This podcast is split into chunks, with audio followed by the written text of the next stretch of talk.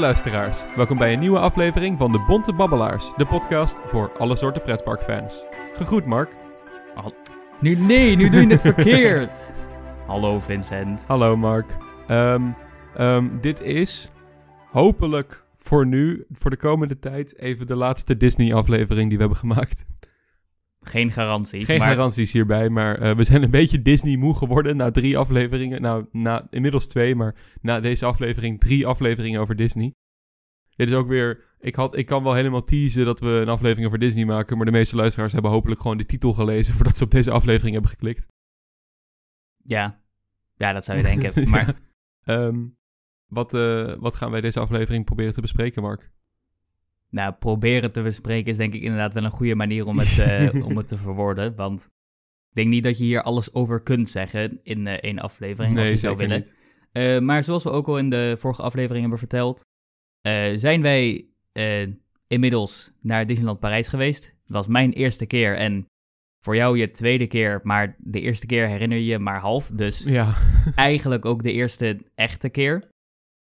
En eh, ja, als Europese pretparkfans moet dat natuurlijk besproken worden. Dus, ja, het moest ook een keer gebeuren. Het zat eraan te komen. mhm. Ehm, we willen ook nog een keer een aflevering over Europa Park maken op dezelfde wijze. Maar we dachten, Disney zit nu vers in het geheugen. Europa Park was 2021. Ehm, en Alweer een tijdje geleden. Is alweer een tijdje geleden. En het idee was, het is een beetje hypocriet van, van, van mij vooral hier. Want ik zei, oh nee, we moeten geen Europa Park doen. Daar moeten we eerst even wat voorbereiding voor doen. Eh, en, toen zei, en nu doen we Disneyland Parijs zonder enige voorbereiding. Ja, we hebben nul voorbereiding. Classic bonte moment. Maar eh, we, We zien duiken wel waar er het naartoe gaat. Het komt wel goed. we duiken er lekker in. Mhm. Ehm, we houden de intro lekker kort, want dit wordt waarschijnlijk een hele lange aflevering. dat eh, zou zomaar kunnen. Als ik nog één ding mag doen in de intro, voordat we gaan beginnen. Ik heb geen aanvulling op de vorige aflevering, for once. Gelukkig Eh, maar. Die is gewoon goed. Ehm, maar ik wil graag eventjes, wat we wel aan het einde van de vorige aflevering zeiden, een korte shout-out doen naar eh, de luisteraars die hebben gereageerd op Spotify. Of beter gezegd, de luisteraar. Ehm, Nu laat je het weer zo zielig klinken. We gewoon bedankt. Bedankt. Nee, ik eh, wilde eventjes eh, een bedankje geven aan Sorali op eh, Spotify. Die heeft een leuke reactie achtergelaten op inmiddels wel een paar afleveringen geleden op de Dans Macabre aflevering. Ja, maar- sorry daarvoor. Zoals we dus al hebben gezegd, zijn we er pas sinds kort achter dat dat überhaupt bestaat. Ja, precies. Maar, de, de, de reacties worden enorm gewaardeerd. Dankjewel voor het becomplimenteren van onze Otto-impressie. Die vergt ontzettend veel oefening elke dag. Dus, Nou, die van jou natuurlijk, Vincent. We willen hem nog één keertje doen voor... oh ja, nog één keertje voor good measure. Visioneer is in het bos. Nou, dat was de Otto-impressie. Dat was de Otto-impressie. Eh, meer kan ik ook niet. Dat vergt nog meer oefening. Dus, Zover eh, ben je nog niet in jouw Otto-training. Nee, precies. Eh, nog even en ik ga Otto kunnen spelen hoor. Efteling, huur hem in. Efteling wanneer. hè? Maar goed, dat was alles. We willen graag deze luisteraar bedanken voor het delen van een lieve reactie. En eh, voel je vrij om altijd meer reacties te delen. Eh, het wordt enorm gewaardeerd. Ja, Dat kan vinden dus het erg ook. leuk om ze te lezen. En Precies. als het een vraag is of zo, dan zullen we die beantwoorden. Wordt altijd lekker meegenomen in de aflevering. Ehm, dus laten we dan nu, zoals Dagobert Duck in zijn geldvoorraad duikt, duiken in het onderwerp van vandaag. Het is wel heel toepasselijk, gezien de, de stapels Donald Duck Pockets waar we altijd, mee Altijd de opnemen. Maar de- we, we hinten heel erg naar onze subtiele liefde voor Donald Duck, maar dat, eh, ja, ik dat bedoel, komt helaas niet ter sprake in een pretparkpodcast. Er zijn volgens mij nul Donald Duck attracties. wat ik eigenlijk ook echt een schande vind. Maar Ja, inderdaad. De Donald Duck lore is rijk, Disney. Benut Mhm. het. ik weet niet of het in Amerika ook even populair is als hier. Nee, maar volgens mij is het Donald Duck Weekblad ook gewoon een Nederlandse productie. Maar... dat zou zomaar kunnen. Ja. Maar in, in ieder geval in Nederland is Donald Duck echt veel populairder dan Mickey Mouse. Ja, echt idee. veel. Ik heb het gevoel dat iedereen wel een beetje erover weet en iedereen het wel gelezen heeft. Mhm. Shout-out naar Donald Duck als personage. Yeah, Donald Duck clears Mickey Mouse. Ik ga het zeggen. Absoluut, makkelijk, makkelijk, makkelijk. Ik, ik ik zat heel eventjes te overwegen om een gefaalde Donald Duck impressie te doen, maar daar ga ik toch maar niet Nee, aan laten we ons beginnen, daar want ik weet dat het niet zou werken. Ot- met Otto hebben we onze limiet al opgezocht, Mark. Ja, en jij bent er nog beter in dan ik, dus eh, ik ga daar Oh, helemaal oh, niet Donald aan Duck ga ik me ook niet aan wagen hoor. Dat is, is gevaarlijk. Ik kan, ik kan een kleine Mickey en dat is het. Ga ik niet doen. ik wou net zeggen, die niet zijn doen, de luisteraars benieuwd, Ik Vincent. ga het niet doen, ik ga het niet doen. Misschien voor een andere keer. Oké. Anyway, Eens even kijken. Wij zijn ehm, twee dagen in Disneyland Parijs geweest. We Ja. hebben allebei de dagen Parkhopper Pass bezocht. Dus we zijn zowel in Disneyland Park als in Walt Disney Studios geweest. Mhm. Ehm, ja, where to start, weet je wel. Het is een gigantisch onderwerp. Ehm, ja, gewoon met onze entree-experience, I guess. Ja, we ik kan misschien een beetje historische context geven rondom Disneyland Parijs. Disneyland Parijs is, in ieder geval Disneyland Park Parijs is het best bezochte park van Europa momenteel. Eh, Walt Disney Studios presteert helaas net iets minder goed dan Disney zou willen, maar DS, Ehm, ben daar goed. die is minder goed, ja. Disneyland Parijs is dus het best bezochte park van Europa. Het is een vrij jong park. Het is geopend in 1992. Ze vieren dit jaar ook nog, nou nu niet meer, maar ze vierden dit jaar nog hun 30-jarig bestaan. Ook al was dat vorig jaar Classic Disney om Don't die it. anniversaries lekker eh, uit te rekken. Maar ehm, het park is, ondanks het feit dat het zo druk bezocht wordt, klagen ze al wel jaren met verliezen. Dat het eigenlijk, het, het is niet per se een heel succesvol park of winstgevend park. Al, sinds de opening, toch? ja, het, het, het is al echt een, een beetje het, het, eh, het zwarte schaap van de Disney Park-familie sinds dag één. Ehm, en uitbreidingen zijn schaars en het is een beetje een rommeltje. Mhm. Maar het is wel een mooi park op zich. Disneyland Park is zeker een mooi Disneyland park. Park is zeker een mooi park. Eh, studio's gaan we maar... eh, Daar komen we straks nog wel op terug. nou, absoluut. Eh, Mark, hoe beviel de entree-ervaring voor jou? Eh, nou, dus ook eerst even handig om te benoemen. Wij zijn met de trein gegaan. Eh, nou, het was voor ons niet echt handig om een auto van ouders te gaan lenen voor een vier dagen trip naar Disney. En de trein kwam gewoon goed uit. Dus nou, we zijn met de trein gegaan. Ik kan me voorstellen dat een boel luisteraars dat ook wel eens hebben gedaan. Maar misschien ook een aantal niet. Eh, dus hoe het werkt, je komt daar aan bij het station. Ik weet de naam niet uit mijn hoofd, jij waarschijnlijk wel. Eh Marne-le-Vallée-Chessy. Dat, ik ga dat niet uitspreken, want mijn Frans is verschrikkelijk. Maar eh, dat, dat zit onder de grond. Dan ga je een, een roltrap omhoog, was het volgens mij, was de roltrap. En dan ga je daar naar buiten. En dan, ja, dan zie je daar de, de, ik weet niet hoe je het moet noemen. Dit is een soort mini-boulevard-achtig ding tussen Disney Village en de de, parken. De wat? De Esplanade, zo heet, die in, eh, zo heet dat. Dat is de, de Esplanade, gok ik in het Nederlands. Luisteraars, laat me weten of er een Nederlands woord voor is, maar Anders heb je de- het nu de uitgevonden. Disney-term is de Esplanade, noemen ze het. Oké, interessant. Ja. Nou, dan, dan gewoon bovenaan het treinstation kom je daaruit. En dat is ook meteen de plek vanaf waar alle bussen naar de verblijfsaccommodaties in de omgeving gaan. Correct. We, En, hebben, eh, we hebben niet de parkeerplaats met de lopende banden mogen ervaren. Nee, helaas.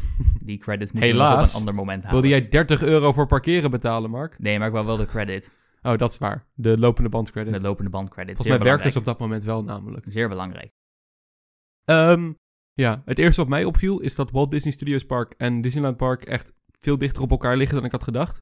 Ik dacht dat het nog best een stukje lopen zou, zou zijn tussen de twee parken, maar Mhm. nee, Het is echt 100 meter of zoiets van ingang tot ingang. Ja, echt, Misschien echt. ietsjes meer, maar niet veel. nee, niet veel meer. Het is echt eh, makkelijk met de voet bereikbaar. Ehm, Heel makkelijk. mhm. Ehm, Ja, ik weet niet. Ik, ik zelf had dit wel een beetje verwacht. Maar als je dan inderdaad meer gaat kijken naar de Amerikaanse resorts, zoals eh, Walt Disney World of zo. Daar, daar kan ik me voorstellen dat het echt gewoon compleet anders is. Ja, daar moet je echt met de monorail of met een Mhm. boot gaan, geloof ik. Ja, Tokyo is ook, eh, Disneyland en Disney Sea staan best wel ver uit elkaar. Daar moet je ook een monorail nemen. Ik geloof wel dat in California de parken dicht op elkaar staan. Maar ja, alles staat dicht op elkaar in Californië. Dus, ja. eh, maar dat viel mij op. Wat me ook opviel is tassencontrole. Ja, dat is ook natuurlijk wel zeldzaam in dat is een nieuwe voor ons. Ja, volgens mij doen ze dat in Amerika echt overal. Ja, klopt. Maar hier eigenlijk eh, alleen bij Disney. Ja. Tenminste, ik heb het nog, no- nog nergens anders meegemaakt. Dus Nee, eh, verder was het niet gek, raar of zo. Ik, vind, ik nee. begrijp het donders goed en ik vind het prima. Ja. Maar het, ja, het was wel iets opvallends. Mhm. Ehm, dan, eh, ja, wij zijn eh, de avond voordat we naar het park gingen. Het plan was dat we één reisdag hadden ingepland. Dan zouden we gaan slapen. De dag daarna zouden we naar Disney gaan. Eh, we wilden toch eventjes de avond van tevoren nog even kijken. Om een beetje sfeer te proeven in de avond van het entreegebied. En misschien een Mhm. beetje Disney Village. Ehm, ja, en, en dat was onze eerste kennismaking met de entree van Disneyland Park Parijs. Vincent heeft meteen een, eh, een paar... Ah, een ik, paar ik, ik hoopte dat je er niet over zou beginnen. Vincent heeft meteen een paar Minnie Mouse oortjes gekocht in Disney Village. Ik ben een eh, stomme toerist geweest en ik heb de cliché Minnie Mouse oortjes met grote rode strik gekocht en ik heb ze niet afgezet. Ja, ze werden voor je gesponsord als, als eh, deel van een, van een deal. Inderdaad. Dus eh, ik heb eh, de hele tijd mini oortjes op gehad en die moest ik wel scoren voordat we naar binnen gingen natuurlijk. Niet de hele tijd trouwens. Ik denk oprecht, qua zeg maar in totaal tijd gedragen... Oké, nu ga ik even... Gaan we het over een- de een- mini oortjes hebben, maar. Ja, ja, nee, maar in, qua, in totaal qua tijd gedragen... jij werd er nog soort van voor gecompenseerd om ze de hele tijd op te hebben. Want jij, uiteindelijk heeft iemand anders ze dus technisch gezien voor je gekocht. Eh, maar een vriend van ons die mee was, iemand in ons gezelschap, die heeft een piratenhoed gekocht bij Pirates of the Caribbean. en die heeft die hoed vrijwillig meer opgehad dan jij jouw mini-oortjes waar je een deal voor had. Ik ben verslagen. Inderdaad. Makkelijk. Thijs, Oh. als je dit luistert, jij legend. Oh, heb je nou een shout-out gedaan? Ja, natuurlijk. Ja, dat is lief. Thijs Ehm, piratenhoedman. ehm, hoe dan ook. Ik hoop niet zo graag onze- dat Thijs een keer met ons meegaat naar de Efteling met zijn piratenhoed op. En dat er dan een luisteraar komt van, yo, jij bent piratenhoed, man. dat, vind ik, dat gaat nooit gebeuren, maar het lijkt me zo grappig. Oh mijn god, ik vrees, ik vrees van niet inderdaad.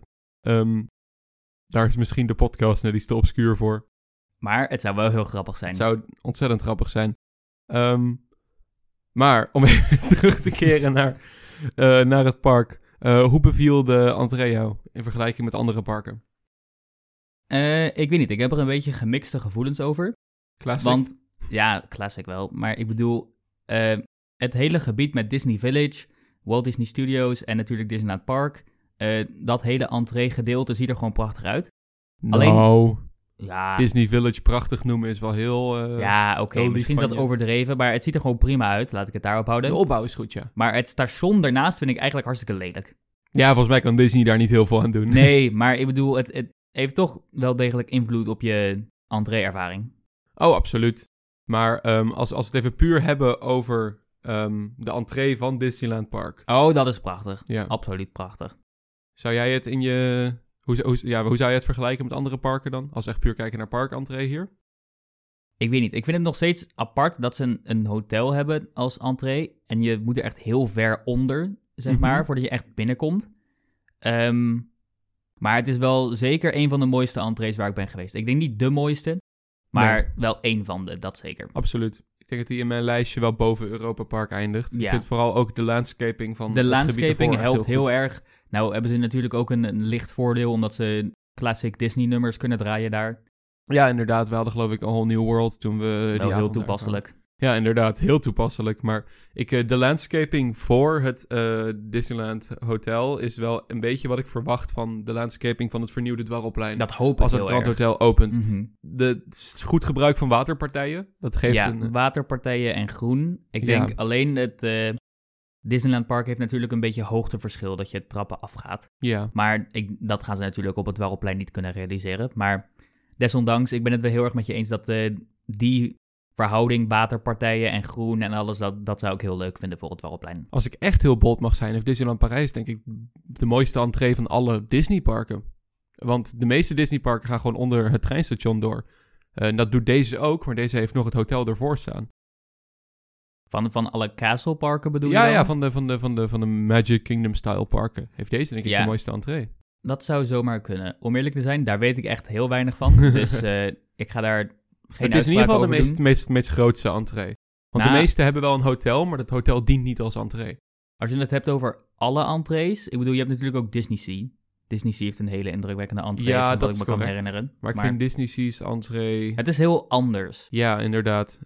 Disney Sea is volgens mij eh, veel meer open. Het is ook veel meer niet één groot gebouw. Het is natuurlijk wel één groot gebouw, maar Ja, het, is het een oogt meer als een soort dorpje, als een verzameling van Ja. losse gevels. Mhm.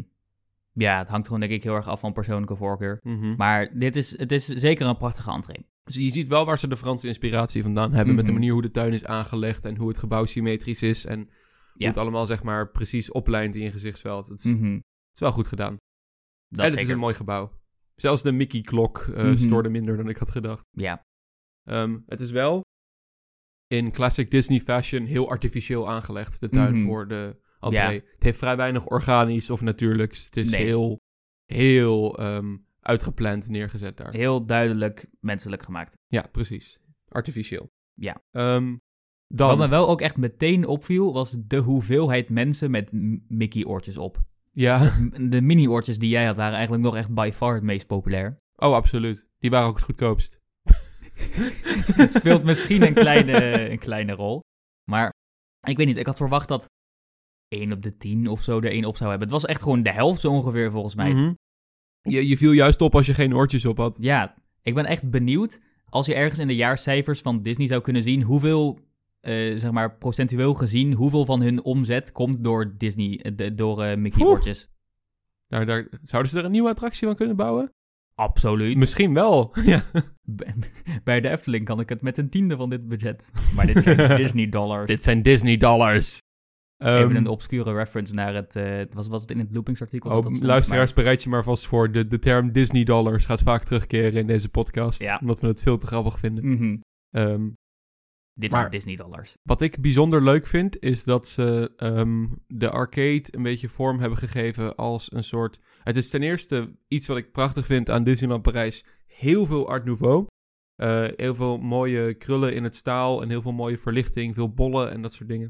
En eh, het is een, ze geven het een beetje een soort oude cinema feel.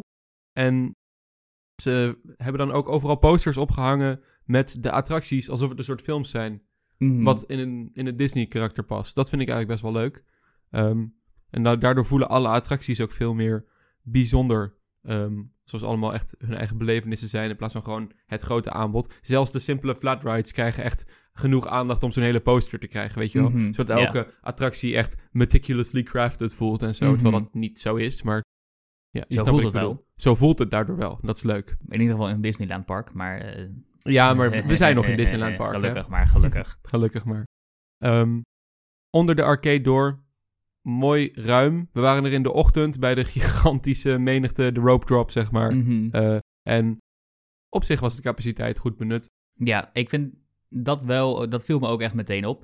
Je kunt wel zien dat ze voorbereid zijn op, eh, op veel mensen. Ja, En daar, de, de crowd control en alles, dat doen ze een stuk beter dan een boel andere parken. Ik bedoel, mensen snappen wel waar ik het over heb, maar ja het, het park is ook gebouwd om natuurlijk gigantische menigtes te ontvangen. ja. Voor de luisteraars die een keertje willen lachen. Google alsjeblieft het verwachte aantal gasten voor de openingsdag van Disneyland Parijs versus het aantal gasten dat daadwerkelijk is komen opdagen. Maar volgens mij weet jij het ook uit je hoofd of niet. Maar Ik weet het niet uit mijn hoofd. oh, nou, in ieder geval, het was eh, nogal een verschil, zoals je waarschijnlijk je wel kunt ja, voorstellen. dat, dat, maar- dat weet ik in ieder geval wel. Mhm. Maar ehm, je gaat dus onder het hotel door. Er waren wat bouwwerkzaamheden daarachter. Ehm, dat is jammer. Maar ja, ik mag niet heel veel zeggen als, als de Efteling het Dwarrelplein inmiddels heeft veranderd in een gigantische bouwkeet. Dus, Mhm, inderdaad. ehm, onder het hotel door ga je dan vervolgens naar het iconische treinstation. Ja, en je ziet daar de, de professionele zwaaiers. Ja, De mensen die daar gewoon staan in de ochtend en betaald worden om gewoon een beetje te zwaaien naar iets mensen. wat je in bijvoorbeeld een Efteling nooit zou zien. Nee, ik weet niet. Ehm, we hadden het er toen ook meteen over van, ha, wat is dat nou? Wat een grappig concept dat het, dat het je baan is om naar mensen te zwaaien. Maar het is Disney, dus ik, het zou nu ook vreemd voelen als ze er ineens niet waren. Ja, precies. Het, het past wel heel erg goed bij het bedrijf natuurlijk. Ehm, dus je moet hier heel erg die happy feels en die... Je moet je welkom voelen en alles. Het draait heel erg daarom. Ehm, Grappig dat je dat zegt en dat we dan eh, zo doorgaan naar, naar wat je achter het treinstation ziet. Maar ja, dat zal ik zo even zeggen. Ehm, in ieder geval het treinstation zelf. Ehm, ik heb geloof ik nog nooit dit treinstation gezien zonder versiering voor een of andere feestdag of anniversary dag. Ja, Eh, het is een van de simpelere treinstations qua exterieur. Qua interieur heb ik er straks heel veel over te zeggen. Maar ehm, als exterieur is het misschien iets wat underwhelming als je net onder het hotel door bent gegaan. Ehm, desondanks, de iconische plakaten hangen er. Nog meer van die posters. Je gaat eronder, die, je betreedt volgens mij eh, via het treinstation de binnenkant van de berm. Ehm, en het is, het is prima. Het is, het, is, het is een hele overdreven, grandioze entree-ervaring om onder, door zo'n tuin en onder zo'n hotel en onder een treinstation en dan de Main Mhm. Street. Het is allemaal wederom wel heel artificieel, maar wel, het voelt wel heel groot. ja En dat, dat past, zeker. dat past bij het Disney zoals ik het graag ken. Mhm, Eens. En dan betreden we Main Street USA, Mhm. het eerste technisch gezien themagebied van Disneyland Parijs. Mhm. Eh, ja, I guess dat het een soort themagebied is. Eh, ik weet niet echt, ja, Main Street USA is het dan daar gethematiseerd. Ik vond het, Het is Ik gethematiseerd naar, naar de jeugd van Walt Disney en het Amerika van eh, toen hij klein was. Dat zou kunnen, dat vond ik er niet per se uitspringen. ik vond wel, ik weet niet, het voelt voor mij gewoon heel Disney. Bijna. Ja? Heel... Ja, Op welke het manier? Voelt, eh, bijvoorbeeld, het, het voelt heel anders dan eh, de meeste Europese parken. Ja, En je ziet meteen, oh, dit is Disney. Eh, en dat is, ik weet niet, van tevoren vroeg ik me af of ik daar een fan van zou zijn of niet. Maar uiteindelijk bleek, ik vond het hartstikke prima. Ja? Ja. Ik vind het, ik heb trouwens eventjes nog snel toegevoegd, het moet volgens mij Missouri voorstellen. Dat is waar Walt Disney vandaan kwam. Dat zou ik niet weten. Ik Maar graaf even snel mijn geheugen. Maar eh, nee, wat jij zegt. eh, het eerste wat mij opviel is ehm, hoe eh, strak en schoon alles is. dat is wel waar. In tegenstelling tot andere Europese parken. Ehm, Mhm. En dat is wederom niet slechter of beter. Het is gewoon heel anders. Ja. Ehm, Nou, ik bedoel, schoon is sowieso beter, maar schoon, ze- nee, maar niet schoon in de zin van weinig afval op straat. Schoon in de zin van egale kleuren Oh, en, geen, en weinig textuur. En ja. Ja. dat. nou is het ook wel handig om gewoon al even te zeggen dat ik het park hartstikke schoon vond in vergelijking met andere parken. inderdaad. Dus, en dan letterlijk schoon, dus geen afval of dingen. dat, dat is natuurlijk sowieso een positief ding, maar Absoluut. Ehm, this isn't Six Flags. Ehm, Main Street USA verder. Het is, eh, ik, ik wil echt even een shout-out doen naar de arcades. Ik weet dat daar al heel veel over gezegd is, maar holy shit, de Discovery Arcade, de Liberty Arcade interesseerde mij wat minder, maar de Discovery Arcade is echt fantastisch. Mhm. Art Nouveau, echt door en door. Schitterend eh, staalwerk, prachtige verlichting, prachtige vormgeving. En ik ben dol op de worldbuilding binnen in de Discovery Arcade. Van echt de toekomst door de ogen van de denkers van vroeger. En echt, echt gewoon steampunk all the way. Prachtig, heel erg romantisch. Mhm. Eh, niet magisch per se, maar het geeft je wel een heel fijn warm gevoel. Ik was echt dol op de, de kunstwerken van Amerikaanse steden, zoals bedacht in een meer steampunk-achtige setting. En het, het- ik weet niet, dat vond ik, echt, dat vond ik echt heel mooi. Dat vond ik echt heel gaaf. ja, ik vond ze ook erg mooi. Ja, Eh, ik is- wist van tevoren, nou, ik wist dat ze er waren. Ik wist niet echt wat ik ervan moest verwachten. Maar, eh, nou, ik vond ze erg mooi. Dus het, het dat thema, de steampunk en vooral een beetje die ehm, hoopvolle blik naar de toekomst vanuit een laat 19e eeuwse eh, oogpunt, is echt eh, een thema dat mij heel erg aanspreekt. En gewoon een stijl waar ik echt groot liefhebber van ben. En die zie je in Disneyland Parijs heel veel terug. Dus Mhm. dan ligt het wel een beetje in mijn straatje. Ja, Overigens, de Liberty Arcade heeft het raarste hoekje van het hele park. Dat wil ik ook gelijk alvast uitgooien. Ergens halverwege is er een soort donkere tunnel waar je doorheen kan gaan. oh waar dan- ja. Waar dan vijf poppen staan van, ik gok, eh, gewoon Amerikaanse denkers, whatever, die eh, naar vuurwerk staan te kijken. Het is Het volledig daar statisch. Pikdonker. Het is daar pikken donker. Het is een compleet statische scène. En het geluid is een beetje ongemakkelijk. Überhaupt de hele scène is eigenlijk een beetje ongemakkelijk. Eh, ik weet een beetje wat het moet voorstellen, maar wat het er doet en waarom het er staat, ik heb geen flauw idee. Een soort easter egg misschien. Zou kunnen. Weet je, Maar- prima. Het is leuk om dingen te ontdekken natuurlijk, Mhm. eh, want ik had geen idee dat dit er stond. Nick Als er een luisteraar is die iets meer context kan geven over dit hoekje, Graag. voel je vrij. Want ik, heb, ik, ik, ik vond het wel heel boeiend. Ik dacht dat het een toilet was, namelijk. wat, wat ik ook wel heel leuk vond aan de entree experience, was dat eh, helemaal aan het begin eh, van de operating day, dus in de ochtend, als het park net open is, dan hebben ze daar de, een aantal characters die aan het dansen zijn op muziek. En wij vonden het gewoon zo grappig om daar langs te lopen en daar gewoon te bedenken van, daar zit een medewerker in dat Mickey-pak zich rot te dansen, omdat zijn baan daarvan afhangt. Als hij niet blij genoeg danst, wordt hij ontslagen. Nou is dat natuurlijk niet helemaal reëel, maar als je dat erbij bedenkt terwijl je naar hem kijkt, dan maakt het dat zoveel grappiger. Oh, absoluut.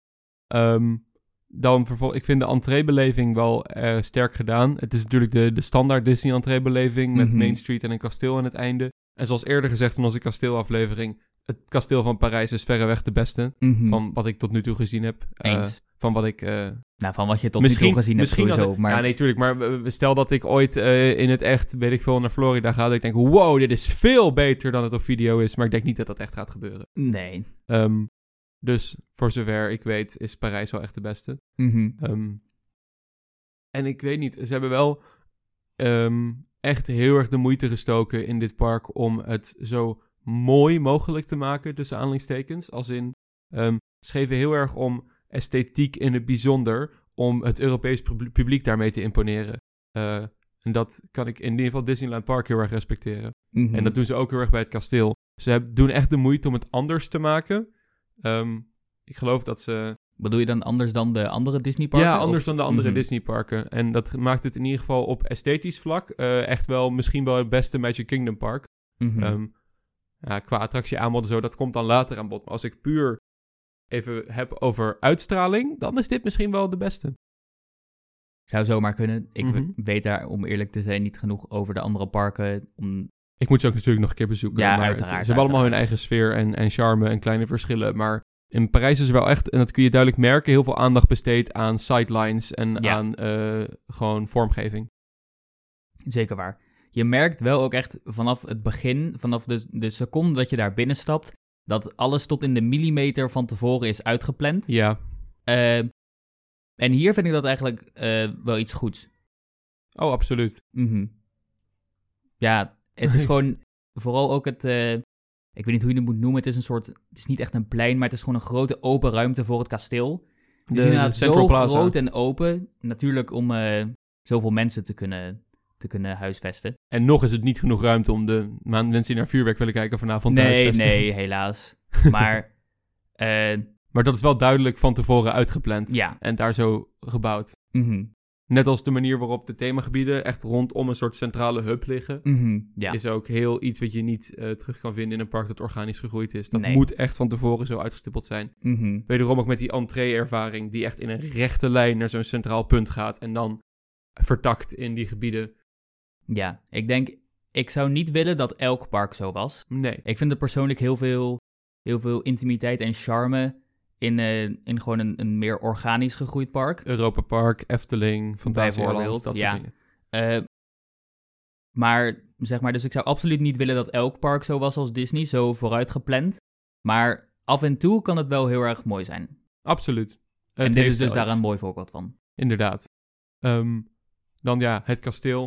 We hebben het erover gehad in onze aflevering. Het is sierlijk, het is organisch, het voelt heel fijn om te ontdekken. Dat je echt ja, naar boven kan. en nu zijn je- we er ook natuurlijk echt eventjes ook binnen geweest. Ja, absoluut. Het interieur is prachtig. Ehm, als ik organisch en sierlijk mag gebruiken voor het exterieur, dit is dat echt nog tien keer eh veelvoud. Mhm. Volgens mij had het in de kasteelaflevering ook al gezegd, maar veel Gaudi-inspiratie toch ook daarbinnen? Gaudi-achtige elementen, Mhm. veel Europese inspiratie, mooie glas in loodramen, eh, mooie trappen, prachtige ornamentering, eh, poorten, ramen. Het is echt... Ja, je Ja. kunt hier nog wel tien minuten over doorgaan, maar... eh, Maar laten we dat maar even niet doen. Wel Ehm, nog i- i- iets leuks wat ik vond. Eh, de, de winkeltjes daarbinnen. Er is een soort een winkeltje waar je, waar je sieraden of zo. Het waren geen sieraden, maar ik weet niet hoe je het beter kunt hele- verwoorden. Gewoon merchandise-achtige... Ja, nee, maar ik bedoel echt dat winkeltje met, eh, ja, ja, die. met, met, met de glazen beeldjes en dat soort dingen. Ja, ja, ja. Daar was een Elsa standbeeldje van 10.000 euro of zo die je daar kon halen. Voor de liefhebbers. Voor de liefhebbers. vond ik, in, in- vond ik een leuk detail. Mocht je jezelf opgemerkt. lekker willen voorbereiden op Frozen, die naar Walt Disney Studios komt, je Oh, vast met, je, met je 10.000 euro Elsa-beeldje. Ik denk dat ik nog wel even kan wachten. Ik ook. Ehm, ik vind het heel leuk dat het kasteel echt een bovenverdieping heeft. Eh, Mhm. Het is een soort walkthrough, maar het voelt minder als een pad dat je aflegt. En meer alsof je echt door het kasteel heen loopt, waar ze dan wat elementen hebben neergezet. Mhm, ja. Ehm, en het was, het was simpel uitgevoerd, maar ik, ik, vind Nou. dat, ik, ben, ik vind het heel goed als parken dat soort attracties toevoegen. Namelijk kleine attracties eh, die nooit een wachttijd hebben. Preferably walkthroughs. Mhm, Ehm Disneyland Parijs heeft er daar verrassend veel van. mhm. Eh, en ik vind dat persoonlijk erg leuk. Ja. En eh, dit was dan zeker een van de beste, vind ik eigenlijk. Maar Ja, absoluut. Nou, deze was ja, wel een van de betere. mhm, ja, ik vond hem vele malen beter dan dat de Aladdin-ding. Maar, daar komen we later nog op terug, inderdaad. Ehm, Maar ja, het is gewoon een simpele manier om het verhaal van Doornroosje uit te beelden. Ik heb wat minuscule kritiekpunten. Het had beter uitgevoerd kunnen worden als je even wat voorbeelden neemt uit de Doornroosje walkthrough die in Anaheim staat. Maar mhm, voor wat het is, deze, deze staat misschien iets beter in het kasteel en is wat beter verworven met het interieur. In plaats van dat het echt duidelijk een walkthrough attractie is met een aparte Mhm. loods en dergelijke ervoor. Nou heeft dat die in Anaheim dat niet, maar zo voelt het wel, weet je wel. Ehm, mhm. Oh ja, toen wij er waren was eh La Tanière du Dragon wel gesloten. Ja, helaas. gezien. Dat was wel heel erg Dus we hebben, niet, we hebben niet de volle walkthrough gehad. En dat vind ik jammer. Dat is wel jammer, ja. Maar ja, what can you do? Ja, wat kun je doen? Ehm, Nog een keer terug gaan. Gaat ook zeker gebeuren. Oh, dus, kom, ik kom er vast nog een keer terug. mhm. Ehm, dan komen we achter het kasteel. Fantasyland? Ja, inderdaad. En dan komen we aan in Fantasyland. Het is eh, eerst eventjes de achterkant van het kasteel. Het is een groot bruin gestalte op de achterkant. Mhm. Vond ik wat minder mooi. Eh, het gaf wel een beetje afwisseling, maar Ik weet niet. Ja. Het sprak me iets minder aan. Ik vind het wel leuk dat je op de... eh, echt op de... Hoe heet dat? Dat je op de, de weergang en het randse kon lopen van het kasteel. eh, aan de achterkant. En Dat dan met zo'n wenteltrap ja. naar beneden Ja, kon ja. gaan. Mhm. Ehm, en de achterkant van het kasteel doet behalve dat gekke bruine ding niet ten onder aan de voorkant. Nee, nee, zeker. Alleen dat bruine ding springt een beetje uit het oog inderdaad. Maar Ja, het valt op. Ja. Maar ik vind het niet actief hinderlijk of lelijk of zo. nee, zeker niet. Maar het valt gewoon heel erg op inderdaad. Dan heb je Fantasyland. Mhm. Ehm, ja, wel een van de mindere gebieden van het park. Daar ben ik het wel mee eens. Ik vond het heel... Ik vond het echt heel weinig groen.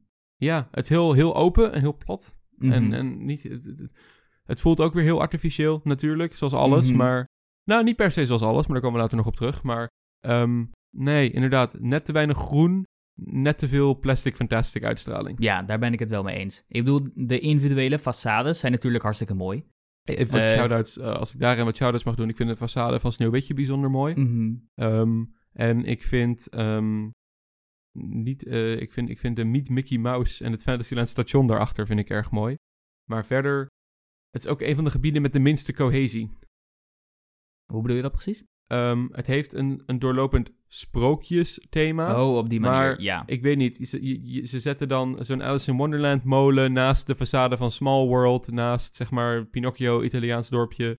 En alles is heel cartoonesk vormgegeven. Small en- World ga ik gewoon negeren. Ik doe gewoon alsof dat niet We bestaat. gaan het straks maar- zeker nog even over Small World hebben, Mark. Nee. Ehm, maar het is het, ehm, waar Frontierland echt een doorlopend eh, frontier thema heeft en Adventureland echt voelt Ja. als het ontdekken van de jungle, heeft Fantasyland echt gewoon... Het, doorlopend thema is volgens mij sprookjes of klassieke Disney films. Het feit dat ik überhaupt niet even snel kan zeggen wat het is, eh, zegt al genoeg. Mhm, ja. Ik weet niet, het voelt ook gewoon... Ik vind het niet echt voelen als een dorpje. Nee, totaal niet. Het is meer gewoon een soort plein met wat dingen in het midden en dan gewoon façades langs de randen. Maar Het, ook niet eh, overal langs de randen. Nee, het eerste hoekje, zeg maar waar het zwaard in de steen ligt en de Mhm. carousel en waar de eh, wanden van het kasteel, de kasteelmuur wordt doorgetrokken, voelt een klein beetje als een soort ho- hofje, hoofdtuintje, als een courtyard. Maar de Daarna dat je dieper. Fantasyland ingaat, wordt het een stuk rommeliger. Mhm. Als we het hebben over mooie façades, ik had het over Sneeuwwitje. Ik wil wel nog even een shout-out doen naar, het, naar Toad Hall, het restaurant. Mhm. Waar natuurlijk in Anaheim de fantastische Mr. Toad's Wild Ride in zit. Maar die hier Helaas niet helaas bij niet ons. bestaat, maar ehm, waar wel een oké restaurantje in zit. Maar het exterieur is erg mooi. Eh, zullen we het maar eventjes over de, de Fantasyland Dark Rides hebben dan? Nu we er Ja. toch zijn. Oh, hier heb jij op gewacht, Mark. Ja, hier heb ik op gewacht. Ik vind het heel erg... Ik weet niet of dit een hot take is of niet, volgens mij wel. Maar ik vind de Fantasyland Mhm. Dark Rides eigenlijk heel erg teleurstellend. Ja? Eh, ik begrijp dat ze al wat ouder zijn en dat het geen e-tickets horen te zijn. Maar alsnog vind ik het eigenlijk schandalig dat Disney, het, dat het overgrote deel van de, van de dark rides in, een in een volwaardig Disneypark, Disneyland Park, eh, eigenlijk alleen gebruik maakt van eh, 2D blacklight sets. Ja. Eh, om eventjes wat context te geven, dit zijn eh, de oorspronkelijke Fantasyland Dark Rides waren de eerste Dark Rides die Disney maakte. Eh, die openden samen met Disneyland Anaheim in de jaren 50. En om natuurlijk kosten te besparen, dat soort dingen, bla bla bla, eh, zijn er heel veel 2D-sets gebruikt en heel veel blacklight, wat Mark zegt, en statische poppen en dergelijke. Alleen in de jaren 50 werd het heel erg gedaan om kosten te besparen.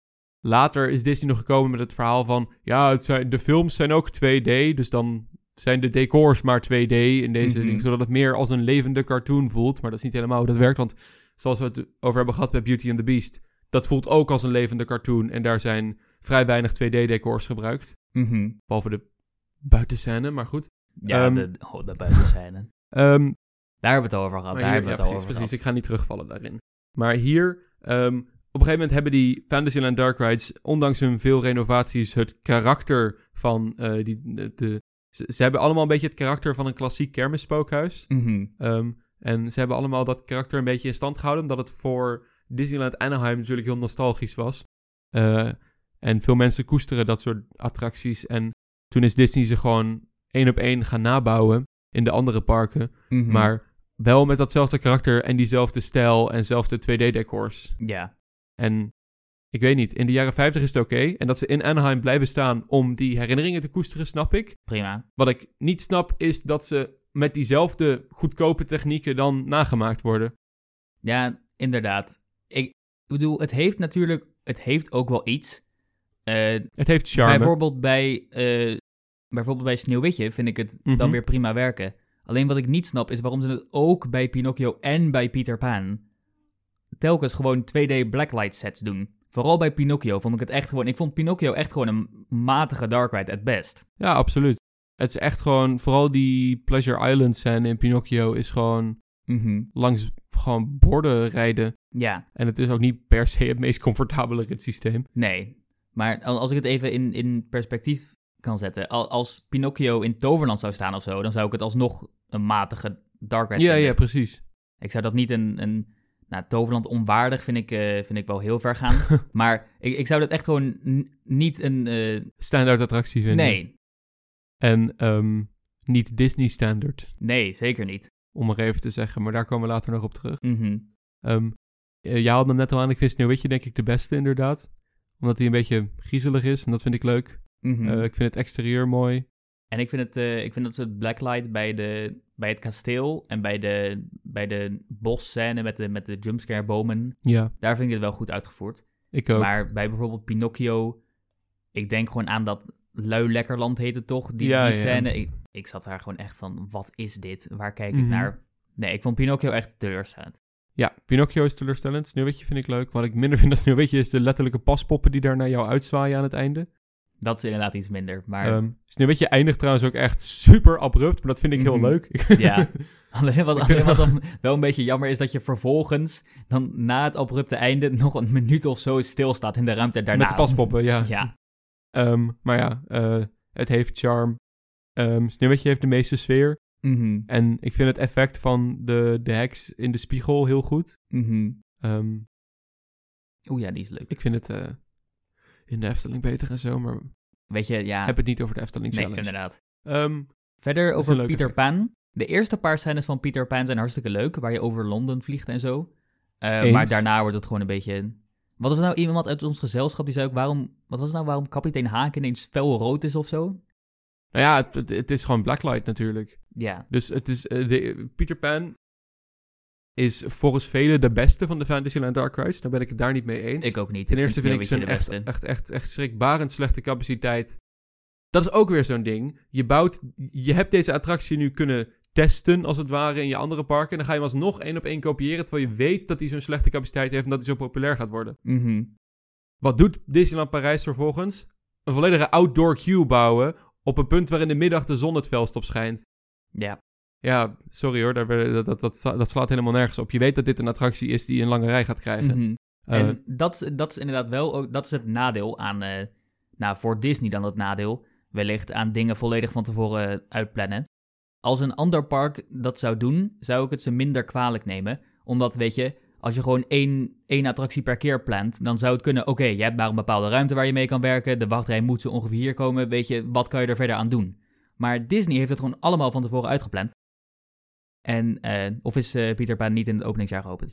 jawel, jawel. Oké, gelukkig maar, voordat eh, mijn hele punt ineens, ineens niet meer geldig zou zijn. Maar ja, ze hebben dus gewoon dit allemaal uit kunnen plannen en alsnog deze keuzes gemaakt. En eh, ja, dat vind ik vreemd. Dat vind ik ook heel vreemd. Dat ze niet de capaciteit geblust hebben. Dat ze niet een betere wachtrij gebouwd hebben. Dat Mhm. vooral. En dan de rit zelf. Super kort. Maar ja, het is dezelfde Peter Pan als alle andere Peter Pans. Mhm. Natuurlijk zijn er subtiele verschillen. Ik weet het, iemand waarschijnlijk weer gaat zijn van... Nee, die van Shanghai is weer dit en anders. Maar in de basis zijn ze allemaal vrijwel grote dezelfde lijnen. attracties. Mhm. In grote lijnen is de, de storyboard van de meeste attracties hetzelfde. Ja. Eh, je hebt inderdaad de goede scènes waar je over Londen en over Neverland heen vliegt. En dan krijg je een paar kleine stukjes in Neverland zelf. Ehm, ik vind het wel slim decorgebruik dat ze bij de scène met het zwaardgevecht op het schip... het schip een soort van twee keer gebruiken. Namelijk je gaat eerst eh, langs de Oh ja, romp van gaat het eerst schip. aan de ene kant langs en eh, langs de ene kant van het zeil. En dan ga je naar de, de voorkant van het schip. En dan ga je aan de andere kant van het zeil. En dan voelt als twee andere scènes. Maar het is eigenlijk één grote ruimte die dus door het zeil van het schip in twee gesplitst wordt. Dat hebben ze wel slim gebruikt. Dat, ja. hebben, ze- daar- dat is slim gebruik van de ruimte. Dat kan ik wel waarderen. Maar ja, verder is het, het is wel de attractie die voor mij het meest plat en blacklighterig voelde. Ik ga heel Ja. eerlijk zijn, behalve de, de scènes waar je over Neverland vliegt en inderdaad de scènes met het schip, weet, Ja, ik, ja. Gewoon niet meer, weet ik gewoon Peter Pan niet zo goed meer. Volgens mij eh, laat dat goed zien hoeveel indruk de attractie op mij heeft gemaakt. een beetje forgettable. Ja, Ehm, eh, terwijl, ik, terwijl ik me Pinocchio nog wel beter herinner, maar dat Ja, was voor de eh, verkeerde niet redenen. goede redenen ja, inderdaad. precies. Ehm, maar dan wel credit where credit is due. De Neverland scène en de Londen scène zijn Die zijn heel, erg mooi. leuk. Ja. Mooie muziek, mooie verlichting. Mhm. Blacklight, ja, maar iets meer sfeervol. Mhm. Maar ehm, het is ook niet alsof ik veel meer van dit soort attracties verwacht. Het is niet alsof ik drie Beauty and the Beast daar wil of zo. Nee, ik ook ik bedoel, niet. e- eentje zou leuk zijn. Maar eh, ik, ik snap dat het geen e-tickets horen te zijn. Nou is Peter Pan dat toevallig eigenlijk wel. per ongeluk geworden. Ja.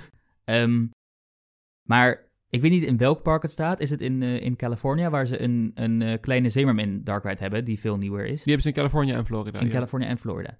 Zo'n soort attractie vind ik veel beter. Ik ook. Zeker voor een park dat in de jaren 90 gebouwd is. Mhm, Ja. Om, Weet, weet jij toevallig wanneer die kleine Zemermin Dark Rides zijn geopend of niet? eh, die is geopend in 2011. Oké. Ja, daar zit dus wel redelijk wat tijd tussen. Ja, nee, maar je, als je kijkt naar de attracties die Disney in de jaren 90 Dat bouwde. is waar. Ze hadden zeker meer kunnen doen dan gewoon drie keer Blacklight. Ja, precies. Ehm, dus ja. Er waren ook plannen om een kleine Zemermin-attractie te bouwen op die manier. Is alleen niet doorgegaan door de, tegenst- Door de tegenvallende teleurstellende- Ja, helaas. Ehm, maar ja, eh, het is gewoon gek dat je dan een attractie echt zo graag wil kopiëren dat je, dat je niks verbetert of aanpast. Ik kan me voorstellen dat het ook een foutje is geweest bij de, bij de uitbreiding naar Europa. Aangezien natuurlijk bij het tweede park in Florida weten ze dat, eh, tenminste volgens mij is er een aanzienlijk deel van de Amerikaanse bevolking wat nostalgie heeft aan eh, California of aan ja, dat bekend is met. Ja, die dat al geval. kent. En dan is het in principe logisch dat je een vergelijkbare of bijna hetzelfde attractie zou neerzetten, omdat ze het kennen, het is Mhm. nostalgisch, dat soort dingen. Maar in Europa is dat totaal niet het geval. Daar is alles volledig nieuw. Dus ze, hebben eigenlijk, ze hadden eigenlijk geen reden, vind ik, om. Ja, ik, denk, om te ik, proberen gok dat de reden is om hetzelfde, dezelfde ervaring als California naar de Europeanen te brengen en hen daar nostalgie voor te geven. Maar ik weet niet, zo werkt dat niet. Daar hebben we een mooie quote van. van eh, Ja, van, van, van de heer Michael Eisner himself. Mhm. eh, The Magic Kingdom as a park will be brought to Paris intact. Ja, waarom? ja, waarom? Helaas. Want ze hebben wel aan, de nodige aanpassingen gedaan om meer eh, te panderen naar een Europees publiek. Mhm. Dus ik, ja, de Fantasyland Dark Rides zijn prima attracties, maar ze voldoen niet aan de, de kwaliteitsstandaard die ik van Disney had verwacht in 1992. Nee. En ik snap enigszins waarom ze dus één op één nagebouwd zijn, maar dat had voor mij niet gehoeven. Er hadden wel wat nodige verbeterpunten kunnen zijn. En als je dan kijkt naar de andere grote attractie in, eh in Fantasyland. En nee, ik tel Jouw favoriete Dumbo attractie? eventjes niet mee. Ja. Nee, maar dus als je even kijkt naar It's a Small World. dat is ook zo ongeveer volledig 2D. Daar is hij hoor. Nou, dan heb ik het over de decors natuurlijk. Ik Ja, bedoel, ja, ja. De poppetjes zijn ook 3D-technisch De babyborns. Ik ga, ik ga eerlijk zijn, ik heb It's a Small World oprecht gewoon bijna niet meegekregen, omdat ik de hele rit zat te slapen. Nou, je Maar hebt niet de hele rit geslapen. Je ik hebt- heb je oprecht like, de halve rit geslapen. grote minstens. stukken heb je geslapen. Niet ge- geslapen, Niet maar geslapen. Ik heb goed uit- goede rust genomen. met mijn ogen dicht. goede rust genomen. Omdat ik toch Ehm, niks zou missen. Dus Ja, nee, Mark is niet de grootste liefhebber van It's a Small World. ik wou net zeggen, voor het geval dat klein, nog niet eh, duidelijk was. Hier treedt wel een klein meningsverschil op. Ik, eh, ik zou mezelf absoluut geen fan noemen van It's a Small World. Maar ik vind hem niet eh, zo actief slecht als dat Mark hem vindt. Ik, nou, vind ik hem- weet niet of je hem actief slecht kan noemen. Het doet gewoon niks. Gewoon, wa- waarom? Wie, wie vindt dit leuk? ik vind het Carnaval Festival leuk. Clears. Het is een soort van... Ja, eh, het, is, het is... Ik weet eigenlijk niet welke ik beter zou vinden. Ehm, Ik vind Carnaval Festival duizendmaal beter dan It's a Small World. Maar Mijn grote probleem met It's a Small World zit hem echt in het gigantische systeemplafond. dat in een mooi systeem. plafonnetje. En ja, ja, nee, wat het een beetje is met Small World, is dat het eigenlijk, eh, net als de Fantasyland Dark Rides, zo'n attractie is die heel veel historische waarde heeft en het Mary Blair decor en dat het oorspronkelijk een New York World's Fair attractie was. Ehm, maar hier wederom, net als de Fantasyland Dark Rides, is het heel erg raar dat zo'n attractie dan één op één gekopieerd wordt in een ander park in het buitenland dat doelgericht is naar een ander soort publiek. Eh, een publiek dat die historische waarde niet snapt. Dus dan heb je wederom, net als bij de Fantasyland Dark Rides, een attractie die kwalitatief eh, van dezelfde waarde is als de originele. Eh, maar die mist dan ineens die historische en culturele waarde. En daardoor wordt het eigenlijk een soort lege attractie. Maar waar de Fantasyland Dark Rides dan nog geupgrade zou- zouden kunnen worden naar eh, een betere Dark Ride met dezelfde herkenbare IP, is Small World in de basis gewoon een beetje een vreemd soort attractie. Dus het is eigenlijk sowieso raar dat hij überhaupt in Disneyland Parijs staat. Mhm, ja. Ik weet nog wat toen ik klein was in 2011 in Disneyland, eh, dat ik niet in a Small World durfde. Ehm, en dat toen eh, de rest van mijn familie erin was gegaan zonder mij. En dat toen mijn broertje, die op dat moment erg jong was, tegen mij zei: Je moet erin gaan. Het is een soort wildwaterbaan, maar dan met een draak. Maar dat is dan wel een lieve draak. Dat is alles wat hij over de attractie te zeggen had. Wat? Ik vind het een hele interessante interpretatie, maar ik ben er toen in gegaan. Er Was het maar de- een wildwaterbaan met een draak? Er is, er zit een draak in a Small World. Ja, maar het is geen wildwaterbaan. Nee, maar ik, eh, het was wel een waterattractie. Ehm It's a Small World is gewoon vrij inherently gewoon een flawed attractie. Mhm. eh, die heel moeilijk te verbeteren is. Omdat wat jij zei, de decors heel erg echt in die attractie zitten. Mhm. Ehm, en het soort attractie is goed om de capaciteit op te vullen, omdat het een Oh, algemeen zeker. publiek wel aanspreekt. Maar een pretparkliefhebber die komt voor immersion, gaat niet heel veel uit It's a Small World halen. Mhm. Moving on. Ik, ik, ik wil niet te lang in It's a Small World blijven hangen voordat ik Dat hebben we al gedaan tijdens toen de die opname bootjes... in slaap val. Inderdaad.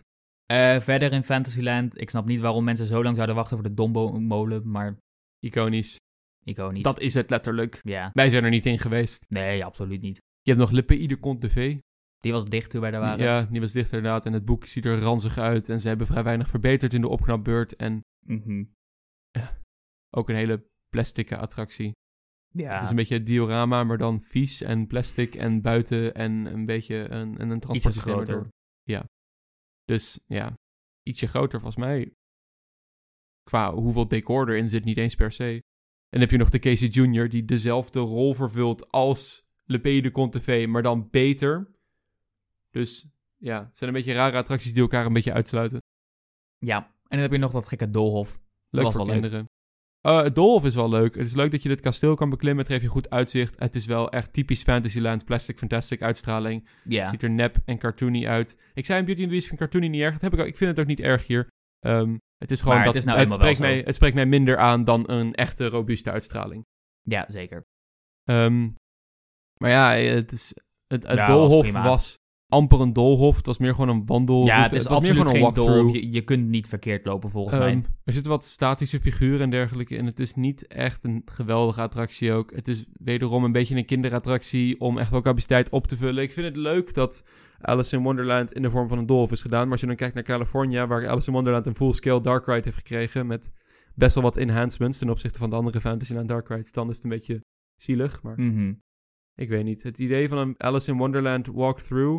Ik heb wel heel erg het gevoel dat daar met de Disney dollars die ze tot hun beschikking Met hadden de Disney dollars veel meer er uitgehaald. Ja. kan worden dan een letterlijk am- een, een soort fake doolhof met één kasteeltje met amper decor erin. Mhm. En de attractie was ook echt in opvallend slechte staat. ja. Vieze poppen, beschadigingen, dat.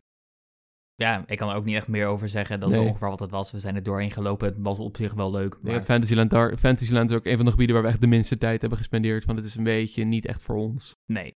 Ehm, wij komen voor de, wat ik zei, robuustere, meer immersive attracties. En daar gaan wij nu naartoe. Ehm Waar wil je naartoe? boah. Laten we gewoon, zullen we gewoon eventjes even naar een positieve noot gaan en naar Frontierland gaan. Naar Frontierland. Ja. Yay. ik vind dit, denk ik wel... Nou, eigenlijk denk ik... Ik vind het gewoon het beste themagebied van het park. Ik ook. Dat is, dit is echt een schoolvoorbeeld van een goed themagebied. Namelijk allemaal doorgetrokken in dezelfde stijl. Compleet afgezonderd van de rest. En eh, alle attracties zijn met elkaar verweven op een storytelling en op een uitstralingsniveau. En ehm, het is gewoon een gebied met twee e-tickets. Alles goed doorgetrokken, cohesie. Mhm. Het enige wat ik mis in Frontierland is eh infills. Ja, ik denk... Die in het verhaal passen. Dat wou ik ook gaan zeggen, inderdaad. Ik denk dat eh, het contrast tussen Frontierland en Fantasyland is in dit opzicht heel groot. Want Frontierland is echt qual- quality over quantity. Ja, En ja, Fantasyland is een beetje het, tegenovergestelde. Ja, precies. Eh, Ik want vind ja, de Molly Brown erg leuk. Dat is Die de, was leuk, de de boot. veerboot. Ja. Ehm, dat is dan een soort ik, ik had infill. niet verwacht dat, het, dat die zo lang zou duren om een rondje Mhm, eromheen te mhm. varen. Maar Maar eh, je krijgt prachtig uitzicht op eh, de Phantom Manor, op de Big Thunder Mountain. Eh, mooie referentie eh, naar de gijzers van de attractie die er voor Big Thunder Mountain in Anaheim stond. mhm. En een leuke verwijzing naar het dino-skelet dat eh, in die gijzers bij de grond, in de grond zit bij die gijzers. Ja. Als verwijzing naar de Amerikaanse versie van Big Thunder Mountain. Mhm. En daar gaat de stoomtrein ook langs om nog een extra reference te geven. nog één. Dus dat is leuk dat je je geschiedenis zo eert. Ehm, en ik gok dat dit dan een infill is. De Molly Brown. Maar het, is, het Ja, voelt I net iets te grootschalig daarvoor. Eh, het is gewoon zo'n vreemd type attractie die je volgens mij echt nergens anders kunt vinden. la stoomtrein in de Efteling en zo. Het is een transportattractie die je niet eens van A naar B brengt. Nee, maar inderdaad, de stoom, stoomtreinen vind je wel vaker, of gewoon treinen. Maar, Ook in Disney. Ja, maar dus waar vind je zo'n zo'n boot die gewoon een rondje maakt? De gondoletta. Maar dat is geen grote boot. freaking gondoletta. Ja. Ehm, ja, nee, ik vond hem wel leuk. ik vond hem ook erg leuk. Ik heb hem niet volledig op de manier kunnen ervaren zoals ik wou, omdat ik nogal last had van mijn voeten op dat moment. Maar ik kon wel lekker zitten, dus Mhm. Ja, mooi, mooi aangeklede boot ook. In de stijl, in de tijd. dat alles. zeker, dat zeker. Ehm, en leuke voice lines en Mhm. muziek en thema. Je wordt helemaal meegeslepen alsof je echt op een tour gaat door Mhm. Frontierland. En dat, daardoor voelt het ook veel meer als een levend gebied. Verder, Verder heb je... Big Thunder Mountain. Oh, ik, wil, ik wil naar de shooting gallery gaan. Je wilde maar- naar de shooting gallery. Hey, jij, hey, jij daar met Dat- blauwe shirt. Wil jij ballen gooien ja, in de wil game jij- gallery? Ja, wil je ballen gooien in de game gallery? Wil jij een knuffel winnen? Nee. Nee. Dan gaan we voorbij de shooting gallery Ja, naar nee. Big Thunder Mountain. Eh, de eerste attractie die wij deden. Mhm. Natuurlijk een erg goede om mee te beginnen. Eh, ja. Fantastische Mine Train. Fantastische Family Coaster. Ja, fantastisch. Het is denk ik de beste mine train die er is. Ja. ja, dat Kun jij fair. een betere noemen? Nee. Ehm, Big Thunder Mountain. eh, het, het enige jammer hier is dat wij vrij weinig kunnen zeggen dat niet al gezegd is. Hebben vrij weinig vernieuwends te zeggen. Hij is fantastisch. Punt. Punt. Ja. Leuk dat hij onder het meer doorgaat, op een eiland Mhm. staat, de rol van Tom Sawyer's Island hier vervult, maar dan unieker om het te Mhm. differentiëren met de andere Disneyparken. Het aardbevingseffect op de tweede lift hill, waar de car heen en weer schommelt. Mhm. Ehm, de slimme projection mapping, de explosies, de storyline. Het is echt heel goed. Ik moet wel zeggen, de storyline was voor mij niet heel duidelijk. Als in hij, Nee. hij is tijdens de rit word je er niet heel erg actief in meegenomen. maar het dat gebeurt gewoon een beetje allemaal. niet per se. Nee, inderdaad. Ik denk juist dat Big Thunder Mountain eh, slechter zou zijn als ze aan storytelling zouden doen en jou zouden dwingen om het verhaal te begrijpen om de attractie vervolgens te doen. Zou kunnen. Het zou hangt er natuurlijk een beetje vanaf hoe, hoe het wordt uitgevoerd. Ik zou niet Maar- Big Thunder Mountain een pre-show geven.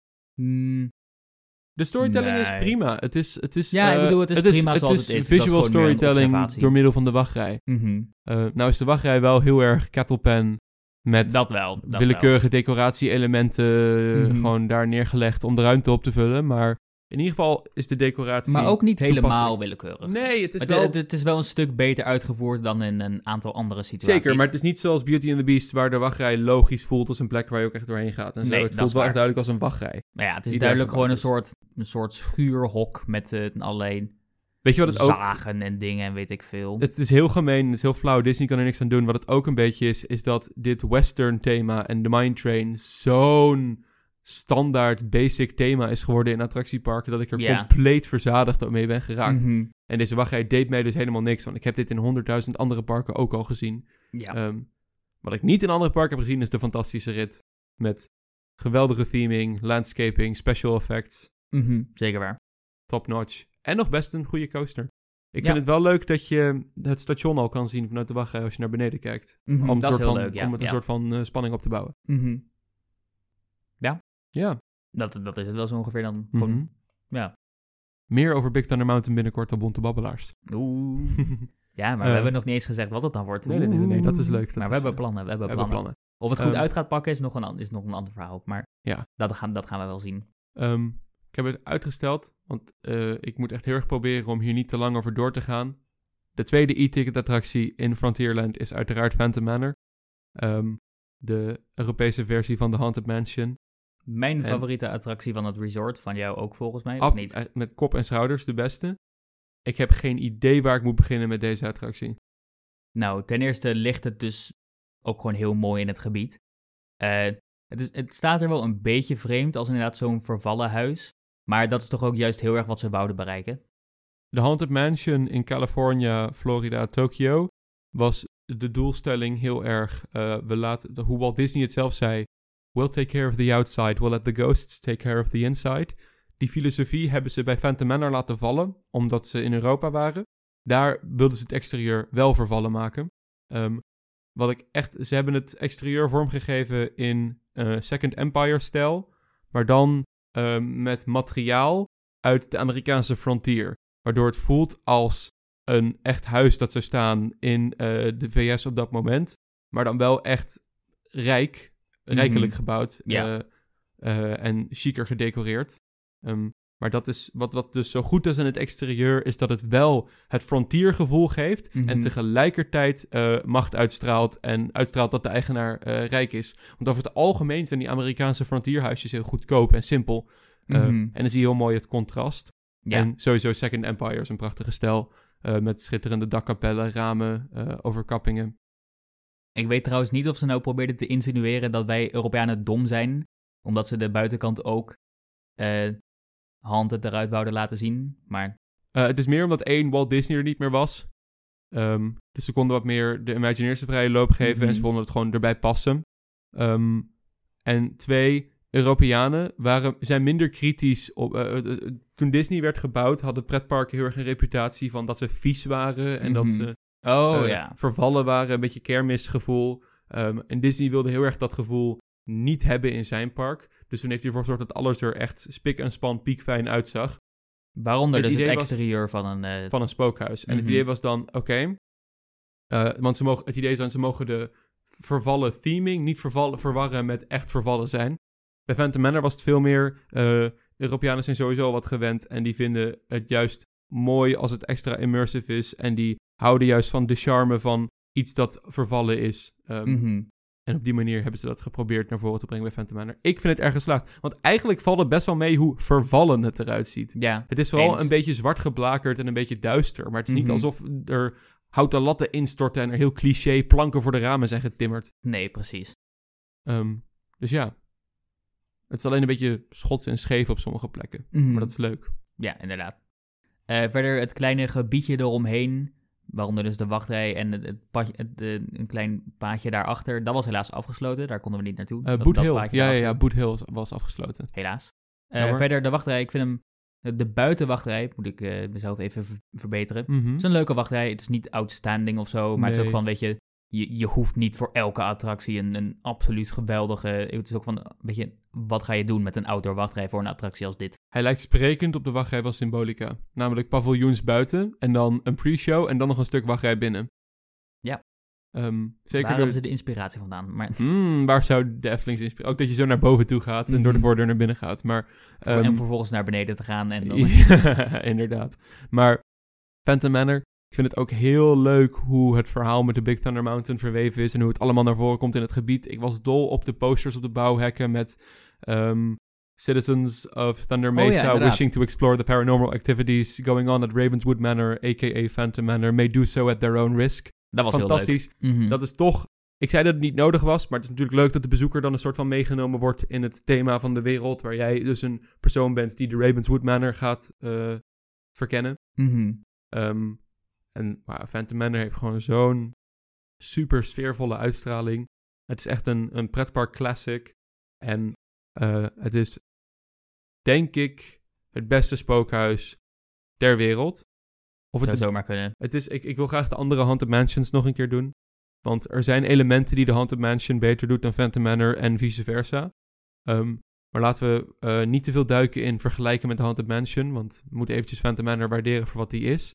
Ehm, Phantom Manor vind ik echt een heel mooi voorbeeld van het, de doelstelling van Disneyland Parijs. Namelijk, we bouwen een, een klassieke Disney-attractie en we passen hem aan om hem meer te eh, laten werken op appealen op een markt. Europees publiek. Dat is bij Phantom Manor misschien wel het best geslaagd van alle attracties in Disneyland Parijs. Ja. Ehm, vooral in het exterieur en de uitstraling. Mhm. En het feit dat het frontier-thema voor Europeanen veel meer escapistisch is dan Amerikanen. Ja, Die er misschien een beetje verzadigd mee zijn. Ehm, nou, ik weet niet of ze er verzadigd mee zijn, maar het is gewoon... Het werkt niet echt als het je eigen land is, zeg maar. precies. Soort Ondanks dat California VS zo Adventure. groot is, maar... Een soort Disney's ja, California ja, Adventure in. California. Maar dat is weer een heel ander ding. Ja, precies. Eh, maar in ieder geval de buitenwachtrij. Ik vind de muziek prachtig. De Mhm. muziekdoos en eh, de kleine eh, elementen in de omgeving die logisch voelen. Ehm, zoals het kleine kapelletje met eh bruidsboeket erin en de fontein eh, en de zonnewijzers. Mhm. En dan hoe je het gebouw betreedt is eh, heel erg omineus. En dat vind ik heel leuk. Dat je echt langs het gebouw gaat onder zo'n overkapping. En dan bij de voordeur moet wachten tot de deurwaarder de poort voor je openmaakt. Ehm Mhm. is mooi. Vanaf het bordes heb je een schitterend uitzicht over Frontierland. Absoluut, absoluut. Ehm, en dan ook de voordeur zelf is prachtig vormgegeven. Mhm. Vervolgens die eerste ruimte, je komt binnen in de foyer, de ontvangsthal. Muffe geur. eh, van de ta- ja, Ja. het is, ik weet niet of het bedoeld is of niet, maar het past er natuurlijk goed bij. Mhm. Eh, prachtige houten wanden, mooie tapijtenvloer, die allemaal een beetje die oudbollige chic moeten uitstralen. Van de Mhm. tijd waarin de manor gebouwd is. Ehm, en dan krijg je al een soort van... Eerste pre-show is het niet echt, maar een inleiding. Ja. Eh, dat is wanneer je dus in de foyer staat. Vincent Price, godzijdank dat ze zijn vertelling gerestaureerd hebben. Mhm. Vertelt het verhaal in eh, zowel Frans als Engels. Ehm, volgens mij doet hij de Franse niet. Volgens mij is dat een impersonator. Oh. Ehm, En dan het effect dat ze in 2019 hebben toegevoegd van het portret van Henry Ravenswood en Melanie. Dat transformeert op het moment dat hij zegt: You may not believe it, but beauty once lived in this house. En dat de gordijnen dan veranderen van kleur. Prachtig, geweldig. Supergoed en Mhm. super overtuigend. Ehm goeie, goeie, goed gebruik van projections. Ehm, en dan betreed je de stretching room. Misschien wel een van de beste pre-shows aller tijden. Eén. Zeker. Het is gewoon een, een, een prachtige voorstelling op zichzelf. En geniaal hoe die meerdere dingen tegelijk doet. Hoe het één, eh, jouw aandacht vasthoudt en het verhaal vertelt. En twee, jouw logistiek eh, naar beneden krijgt, zodat je vervolgens eh, de loods in kan lopen. Mhm. Ja, zeker. Ik denk, we moeten wel een klein beetje oppassen dat we niet te lang hierin blijven hangen inderdaad. Want we zouden Ja. ook zomaar een volledige aflevering aan alleen Phantom Manor kunnen wijden. Ja, inderdaad. Wat we misschien ook nog wel gaan doen in de toekomst. Oh, waarschijnlijk Eh, wel. Maar stretching room is goed. Wederom goede muffigeur. Eh de indoor wachtrij is fantastisch. Absoluut. Soundtrack is fantastisch. Wat ik ook heel leuk vind aan de indoorrij is dat je dus eh, zo, zeg maar, in groepjes daar pas naar binnen wordt gestuurd. En de capaciteit is zo hoog dat in ieder geval wij daar echt nauwelijks hebben gestaan. Je kunt er gewoon doorlopen. En Mhm. Eh, het feit dat je er zo niet lang blijft staan, eh, ik weet niet, ik vond het een hele positieve Het toevoeging. voegt ook herhaalwaarde toe. Want je Mhm. wilt terugkomen om de andere portretten te bekijken. Mhm. Het station ook trouwens, dat wil ik eventjes benoemen, omdat eh, aan de luisteraars is het waarschijnlijk inmiddels wel duidelijk dat wij geen fan zijn van schermen in Dark Rides. Mhm. Maar om, onder bepaalde omstandigheden kan het juist heel erg goed werken en toevoegen aan de ervaring. En dit is daar een erg mooi voorbeeld van. Volgens mij heb ik het al eens eerder gezegd, maar schermen als achtergrond ergens voor eh, kan echt gewoon heel erg goed werken. En eh, in het station van Phantom Manor heb je daar natuurlijk dat de, de, de, de grote ramen aan de achterkant. eh, waar je dus eerst nog een klein beetje diepte hebt met volgens mij fysieke plantenachtige dingen. Ik weet niet wat het precies zijn. Ja, ja, Maar een- een en- decor. Ja, en daarachter weer een scherm waarop je regen en dergelijke ziet. Het onweer van dat Ja. momenteel buiten afspeelt. Mhm. En die paar extra lagen diepte voor dat scherm maken het zoveel realistischer, vind ik. Correct. Ehm, het station is ook echt, denk ik wel, de beste van alle Haunted Mansions. De meeste Haunted Man, de die in Californië heeft een soort limbo void. Die van Florida heeft gewoon een soort hal. Deze is, heeft een prachtige soort van... Ik geloof dat het een, weer een soort ontvangzaal moet voorstellen. Mhm. Vestibule met trappen en ramen. Ja. En de bruid die op de trap staat. Maar ehm, ik ga het niet te veel hebben over de aanpassingen die ze in 2019 hebben gedaan. Want daar, dat bewaar ik maar even voor een aflevering over Phantom Manor zelf. Wat ik wel heel goed Mhm. vind, is ehm, eh, dat hier ook 2D-decor gebruikt is. Maar het hier... eh, en met blacklight, maar dat het hier subtieler is gedaan. Mhm. eh, en hier ehm, effectiever is gedaan. Ik heb Mark ooit wat foto's gestuurd Ja. van het gebruik van 2D-decor in Phantom Manor. Ehm, de enige scène waar het me stoort en opvalt, is de laatste scène in Thunder Mesa. Waar je door dorp Daar is het inderdaad een beetje... Daar begint het toch ineens een beetje Fantasyland Dark Ride-esque te worden. Mhm. Ehm, niet dat ik dat een slechte scène vind, maar het is wel, denk ik, de minste scène van de attractie. Dat zou zomaar kunnen. Ehm, en ik vind het heel leuk hoe je in de manor begint, naar buiten gaat tijdens de rit en dan buiten uitstapt. Zeg maar. Dat je, dat je ook echt tijdens je rit zogenaamd buiten de manor bent gegaan. Mhm. En dat je dan uit een soort graftombe weer naar boven komt om dan vervolgens Boot Hill te betreden, maar dat konden wij helaas niet. Helaas. Maar je, je kunt zelfs ook eh, de, de buitenkant van de manor toch zien tijdens de, ja, tijdens de rit. precies. Je gaat echt uit de zolderraam ga je naar buiten. Mhm. Het is verder denk ik een beetje... Het is niet zo handig om elke scène in detail te gaan bespreken, Nee. want dan blijven we er veel te lang in hangen. Nee. Eh, ik wil wel eventjes nog een paar highlights benoemen. Eh, wat ik erg leuk vind, bijvoorbeeld, ik, ik vind het heel erg goed gedaan hoe, hoe donker het is overal. Ja. Eh, daardoor valt het ritssysteem veel beter weg, vind ik. Mhm. Want het is in principe, het is volgens mij niet precies hetzelfde ritssysteem als Carnival Festival, maar het is Niet in ieder geval precies een- Het is in ieder geval hetzelfde idee, een endless chain. Het is een... Eh, met allemaal eh, karretjes. bij Carnival Festival is een Muck Rides, ehm Endless Chain. En bij ehm Phantom Manor is het een Vekoma. Mhm. Nou, in ieder geval, ik vind het eh, heel erg goed gedaan hoe donker het is. Bijvoorbeeld, het, het, eni- het enige jammere vind ik tussen de... Wat is het? De, de balzaal zijn? Nee, is het een balzaal? Ik Ja, de- de- de balzaal, ja. Maar de balzaal en de, en de zolder krijg je volgens mij daarna. Daar heb je een kleine, gewoon compleet donkere gang. Met een beetje een systeemplafond en twee doeken die er hangen. Ik heb het ook heel erg met ehm, de gaanderij waar je langs gaat bij de balzaal zelf. Als je naar Mhm. de balzaal kijkt, best scène van de Dark Ride. Maar waar jij je bevindt op dat moment is onafgewerkt. En ook de tunnel naar de balzaal toe is eh, vrij onafgewerkt. Mhm. Ehm, maar vooral ook waarom ik het wou benoemen dat het zo donker is, is als je het bijvoorbeeld vergelijkt met eh, dus de, de Be Our Guest scène in Beauty and the Beast. Mhm. Daar is het donker, maar net niet donker genoeg. Zeg maar, je kunt de wanden en alles nog steeds zien. Ja, ja, ja. En dan zie je dus hoe leeg het is. Terwijl in Phantom Manor is het net donker genoeg dat, dat de wanden gewoon een complete void zijn, zeg maar. Ja, precies. Nou, moet Beauty and the Beast ook niet heel donker gaan Nee, maken. nee, dat natuurlijk. is waar. Maar ik bedoel, meer gewoon eh, om, om, om, om te highlighten hoe goed Phantom Manor Correct. wegkomt met eh, gewoon muren niet te hoeven thematiseren in bepaalde Precies. situaties.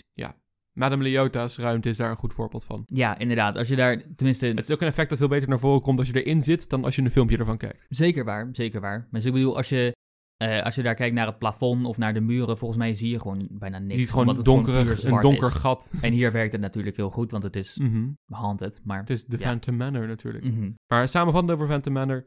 eh, wij vinden het de beste attractie. mhm. En eh, het is, naar mijn mening, de attractie die het best vertaald is naar een Europees publiek. Eens. Dan moeten we helaas Frontierland ja, dan moeten we nu eventjes eh, stoppen met erover praten, anders gaan we nog door. Mhm. Ehm, nou, ik denk dat we dan ook wel zo ongeveer genoeg gezegd hebben over Frontierland. Mhm.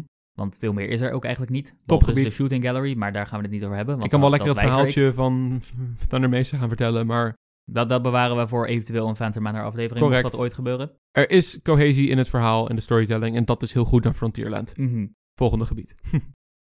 Nou, kies jij maar. Laten we dan eventjes eh, weer negatiever gaan en het gaan hebben over Discoveryland. Mhm. Discoveryland. Fell off hard. Ja, ik vind het zo apart. Hoe ze, hoe ze het gebied gewoon... Het gebied is zoveel slechter dan het was toen het opende. Ja, correct. Ehm, Discoveryland is letterlijk een gebied dat met elke verandering actief slechter is geworden. Mhm. Ik kan wel ehm, een beetje beating a dead horse gaan lopen vertellen wat ze allemaal verkeerd hebben gedaan. Maar dit is een probleem dat gewoon in de community wel bekend is. En waar genoeg mensen al genoeg woorden aan vuil gemaakt hebben. Ehm, het is Ik- echt ja. schandalig wat er met Discoveryland gebeurd is. En dan eh, voornamelijk natuurlijk Space Mountain. Voornamelijk Space Mountain, maar het is niet de enige. Nee, nee, dat is wel. Discoveryland is gegaan van een Frontierland niveau, goed verworven, cohesive themagebied waar alle attracties met elkaar te maken hebben, logisch overlopen en een perfecte vertaling waren van een Amerikaanse attractie naar een Europees publiek, naar Mhm. echt gewoon een rommeltje van een gebied met geen identiteit en gewoon een, een eigenlijk is het een soort dikke middelvinger naar het Europees publiek geworden. Mhm. En dat is echt, Ja, Niet het, normaal. het thema hoort dus te zijn de toekomst, eh, zoals daarna gekeken werd door de, door de Great Minds of the Past, was het toch? Ja, ja, ja. Eh, Het heeft gewoon een, een, een, beetje een doorlopend steampunk thema. ehm, maar eigenlijk is er dus vrij weinig wat echt meer steampunk is. Het is echt hilarisch dat ze die, eh, dat plakkaat met die quote van Jules Verne daar hebben staan. Ja, In dat gebied. inderdaad. Eh, maar ja, Maar dus even, hou in je achterhoofd. eh, het, het thema van het gebied is dus de, de nou, je zou het bijna kunnen noemen klassieke sci-fi. ja echt klassieke sci-fi. Zoals wij in onze aflevering ook besproken Vervolgens qua attracties staat er Buzz Lightyear, Star Wars, twee Star Wars, eh, Autopia. Eh, wat heb je er verder nog? Mm, mm, mm. Le Mystère du Nautilus. Die is wel leuk. Die is wel leuk. Nou, Jammer dat ze het, eh, het, het epische fysieke effect Dat, ja. van, de, van, de, van de Kraken weg hebben gehaald. ten eerste dat. Ten tweede heeft de attractie nu nog vrij weinig te maken met daadwerkelijk het boek 20.000 Leagues Under the Sea. Ja, nu is het gewoon meer generieke onderzeeër. En het is jammer, want nu heeft Nautilus, net als Space Mountain, eh, ik heb dit nooit eerder gezegd, maar ik ga het eventjes dan nu benoemen. Eh, alsof je gewoon door het lijk van een betere attractie aan het lopen bent. Want je Mhm. ziet de goede elementen, ook in de Nautilus, in de eerste paar ruimtes. Je ziet de detaillering en de storytelling en het thema. En dan komt het niet tot een bevredigend einde. Mhm. Want ook bijvoorbeeld die Kraken wordt opgebouwd met een model en een tekening en waarschuwingen. En, En dan- vervolgens zie je een, eh, een, een, Stock een- zie je een scherm van wat dolfijnen. Ja. Ehm, ja, en dus die omroep van ik ben kapitein Nemo en ik ga jullie de wonderen van de zee laten zien. Dat wil je niet. Je wil dat wij ontsnappen van de Kraken die op ons afkomt. Het is trouwens geen, volgens mij is het gewoon een inktvis, maar... Het is Ik- veel cooler als de Kraken is, oké. Ja, ja, inderdaad. Maar je hebt ook het orgel waar vroeger het hoofd van de kapitein in verscheen. Doet het niet meer. Het is gewoon een orgel dat daar staat en niks bijdraagt. Dat dan prachtig Art Nouveau is vormgegeven. Maar het is, het, het is zo'n bizarre attractie geworden nu. Ehm, omdat ze... Ze hebben een spannende attractie gebaseerd op eh, romantische literatuur. Veranderd in een soort educatieve attractie over de wondere wereld van de onderwatercultuur. En het is, ja... Ja, ik weet niet. Het is gewoon... Waarom zouden ze dit in godsnaam doen? Je hebt een goed thema, wat... Ze hebben er letterlijk fysiek, of zeg maar, bewijs voor dat het heeft gewerkt. Namelijk Mhm. Space Mountain was toch de attractie die Disneyland Parijs ongeveer gered heeft. Correct. Dus je weet dat het werkt, het idee. Mhm. Vervolgens, er zijn zoveel mogelijke thema's waarmee je dat gebied zou kunnen uitbreiden. Eh, kijk naar Tokyo Disney Sea, wat die daar allemaal mee gedaan hebben. Inderdaad. En vervolgens ga je het Star Wars en Buzz Lightyear. Wat is hier in godsnaam fout gegaan? Ja, dat vraag ik me echt Ik heel vind erg het af. echt bizar. Ik het vind gebied het heeft gewoon geen cohesie meer. nul. En eh, Nautilus vind ik echt een hele erge. Want daar hebben ze echt een minimale aanpassing gedaan. Die echt hele grote gevolgen heeft voor gewoon het totaalplaatje van de attractie. Mhm. Het is wel weer een mooi voorbeeld van zo'n leuke walkthrough. Die, eh, zo'n nul wachtrij attractie die leuk is. Eh, ik vind ook leuk dat ook leuke details zoals de tourniquet aan het einde die vormgegeven is als zo'n motor. Maar als, als storytelling attractie is die echt niks meer nu. En ik snap dat een animatronic van zo'n inktvis moeilijker te onderhouden is dan een scherm. Maar kom op jongens. Waarom moet je dan ook weer het hele verhaal van de attractie omvergooien? Mhm. Ja. En ik weet dat mensen er inmiddels al zo lang over zitten te denken, ja, maar Hyperspace Mountain is tijdelijk. Laten we hopen dat dat inderdaad zo is. Laten we heel Eh, eerlijk zijn. Het zou al een grote stap zijn als ze hem inderdaad terugkeren. Of het dan naar de La Terra La Lune wordt of Mission 2 is Waarschijnlijk- nog maar de vraag. Waarschijnlijk Mission 2 we, of, we of kennen Mission Disneyland 3, Parijs. maar Het gaat gewoon Mission 3 worden. Oftewel Mission 2 met één nieuw schermeffect of zo erin. ja. Ik weet niet, we kunnen ook wel De- gaan het- praten over wat we vinden van Hyperspace Mountain, maar eigenlijk wil ik er niet te veel woorden aan vuil maken. Ja, het is echt heel deprimerend. Eh, bij Hyperspace Mountain heb ik nog veel meer dat ik het heb dat ik echt door het lijk van een betere attractie aan het lopen ben. Maar... de ehm, wachtrij is, is gewoon niet goed. Nee, Je loopt gewoon slecht. door. Ja, hij is gewoon slecht. De rit zelf. Ik vond hem lichtelijk oncomfortabel. Dat komt misschien doordat ik. eh, ik, ben, ik ben niet super groot. En de, de, de vest restraints van, eh, van dit soort treinen zijn dan iets minder comfortabel voor mij.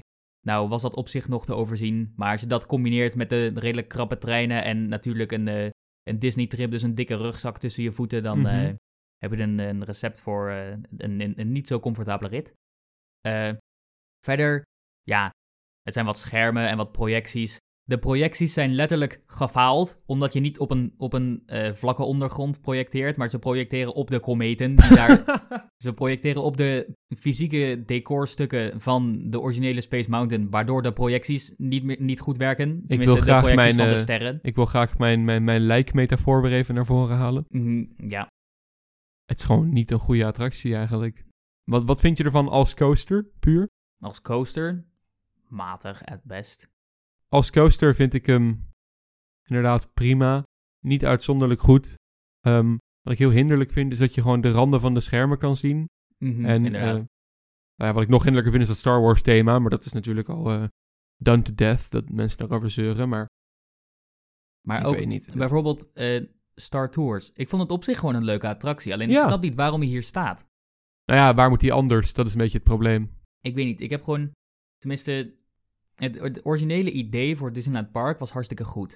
Mhm. Ehm, ik bedoel, ik vind dat, dat... Daar komen we zo meteen nog op. Maar ik vind dat Pirates goed weggewerkt is in Adventureland. Maar als je Ja. kijkt naar Fantasyland... Oké, classic sprookjes. Prima. Frontierland... Mooi origineel eigen ding. Prima. Eh, eh, Discoveryland. Mooi origineel eigen ding. Prima. Ik, ik vind niet dat IP's echt thuis horen in Disneyland Park. Maar Nee, ik ook niet. toch proberen ze het erin te proppen. Mm, IP's, want bijvoorbeeld de, de Fantasyland Dark Rides zijn Ja, ook IP, Daarom, maar ik- het, is een beetje... beetje die... die Het is een beetje het lastige moderne te IP, inderdaad. Ik, vind- ik vind dat iets als Star Wars niet thuis hoort in Disneyland Park. Wat ik, ik vind Star Tours op zich nog oké weggewerkt. Die zit namelijk een beetje in een hoekje achteraan. Eh, daar stoor ik me minder aan dan aan bijvoorbeeld Buzz Lightyear, die echt prominent dat is voor waar. Space Ik vind, ik- maar ook gewoon, er is een Toy Story gebied in studios. Waarom Ja. staat dit ding hier? Geen idee. Omdat hij ook in de Magic Kingdom style parken staat in de, in, in de VS. Maar dat is, ja, we- boeien. Pas het aan. Mhm. Eh, nou was het Visionarium natuurlijk niet een fantastische attractie die misschien een beetje oudbollig was, maar hij had tenminste een logische plek in het gebied. Mhm. Ehm, en ja, het is bizar. Het exterieur van Space Mountain is zo goed en dat daar dan zo'n attractie in zit is echt heel raar. Ja. Ehm, matig. Mhm. Ja, ik weet eigenlijk niet wat ik er verder nog meer over wil zeggen. Weinig groen, warm. Ja, weinig Hyperion groen. Café is ehm, groot en leeg en het heeft... Fijn dat er airco was, maar Fijn dat er airco... Het is mooi Art Nouveau vormgegeven, maar dan spelen ze er Mickey Mouse filmpjes af. Ik weet niet. Wat, wat. Mhm. Discoveryland is echt in shambles. Daar moet een flinke bezem doorheen gehaald worden. Absoluut. Zullen we dan maar doorgaan? Ja, Ik- graag. Ik wil er eigenlijk niet langer over door. eh, Nee, nee, nee. Space Mountain komen we later nog een keertje van. Ehm, Nou, dan gaan we door naar het laatste gebied. naar Adventureland.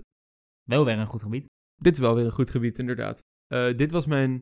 eh, er zaten twee grote verrassingen in dit gebied voor mij. Eén, überhaupt het gebied zelf. Ik had verwacht dat ik er niet heel veel aan zou vinden. Bleek dat ik het een van de beste gebieden van het park vond uiteindelijk. Mhm. Eh, en dat komt voornamelijk door het groen. De natuur is echt heel mooi, inderdaad. Ook de, de walkthrough die er doorheen gaat. Ik weet niet hoe die heet. De maar- Cabane de Robinson. Dat Mhm. is, het, het groen is wilderig. Het groen voelt veel minder artificieel dan de rest van het park. Waar het echt zijn, hier hebben we een perkje aangeplant en zetten we een paar boompjes neer. Hier is het echt een soort wilde jungle. Mhm. Eh, veel diversiteit zit er in het groen. Ehm, en Adventureland voelt echt heel goed als een plek die je wil ontdekken. Ja, eens. En dan heb je nog de grote e-ticket van Adventureland. Pirates of the Caribbean. Oh, ik dacht dat je Indiana Jones ging zeggen. Nee, oh, oh ja, daar moeten we nog eventjes over hebben. Zullen we het eerst even kort over Indiana Jones ja, hebben? daar, ik zijn we toch snel mee klaar. Ja, precies. Eh, Slecht. ja. De- Echt heel slecht. De, de, de coaster was niet goed. Ik bedoel, ik vind het, ik vind het tempelding is wat ze hebben gebouwd op zich nog wel leuk. Lelijk dat er een gigantische staalconstructie omheen gaat. Dat is wel weer waar. Eh, en wat wij ook heel erg misten, waren de iconische Indiana Jones muziek. Waar is überhaupt bedoel- iets van Indiana Jones? Ja, Het is... eh, en het voelt inderdaad veel meer als gewoon een, een random tempel. En als je er echt over nadenkt, is er vrij weinig wat daadwerkelijk de directe link is met Indiana Jones. nee, het voelt heel erg... We klappen de naam Indiana Jones erop om het een beetje...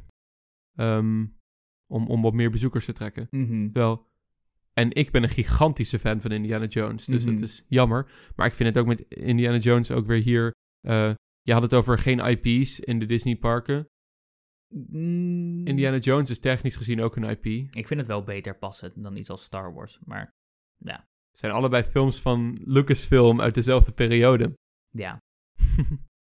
Dit is gewoon een persoonlijke bias. Jij houdt minder van Star Wars dan van Indiana Jones. Dat- Geef het dat- toe, Mark. Geef het toe. Dat mag ook duidelijk zijn. Maar ik weet niet, het is gewoon ook bin- binnen de, de, de themagebieden die ze dan hadden. Ik zie Star Wars nergens passen. En Indiana Jones past op zich nog prima binnen een Adventureland gebied. Ja, op Dus, zich wel. Ja. Natuurlijk waren de oorspronkelijke plannen om Indiana Jones veel groter uit te pakken. Namelijk om er een dark ride naast te bouwen en dat de coaster dan een supplement zou zijn voor een eigen Indiana Jones themagebied binnen in Adventureland.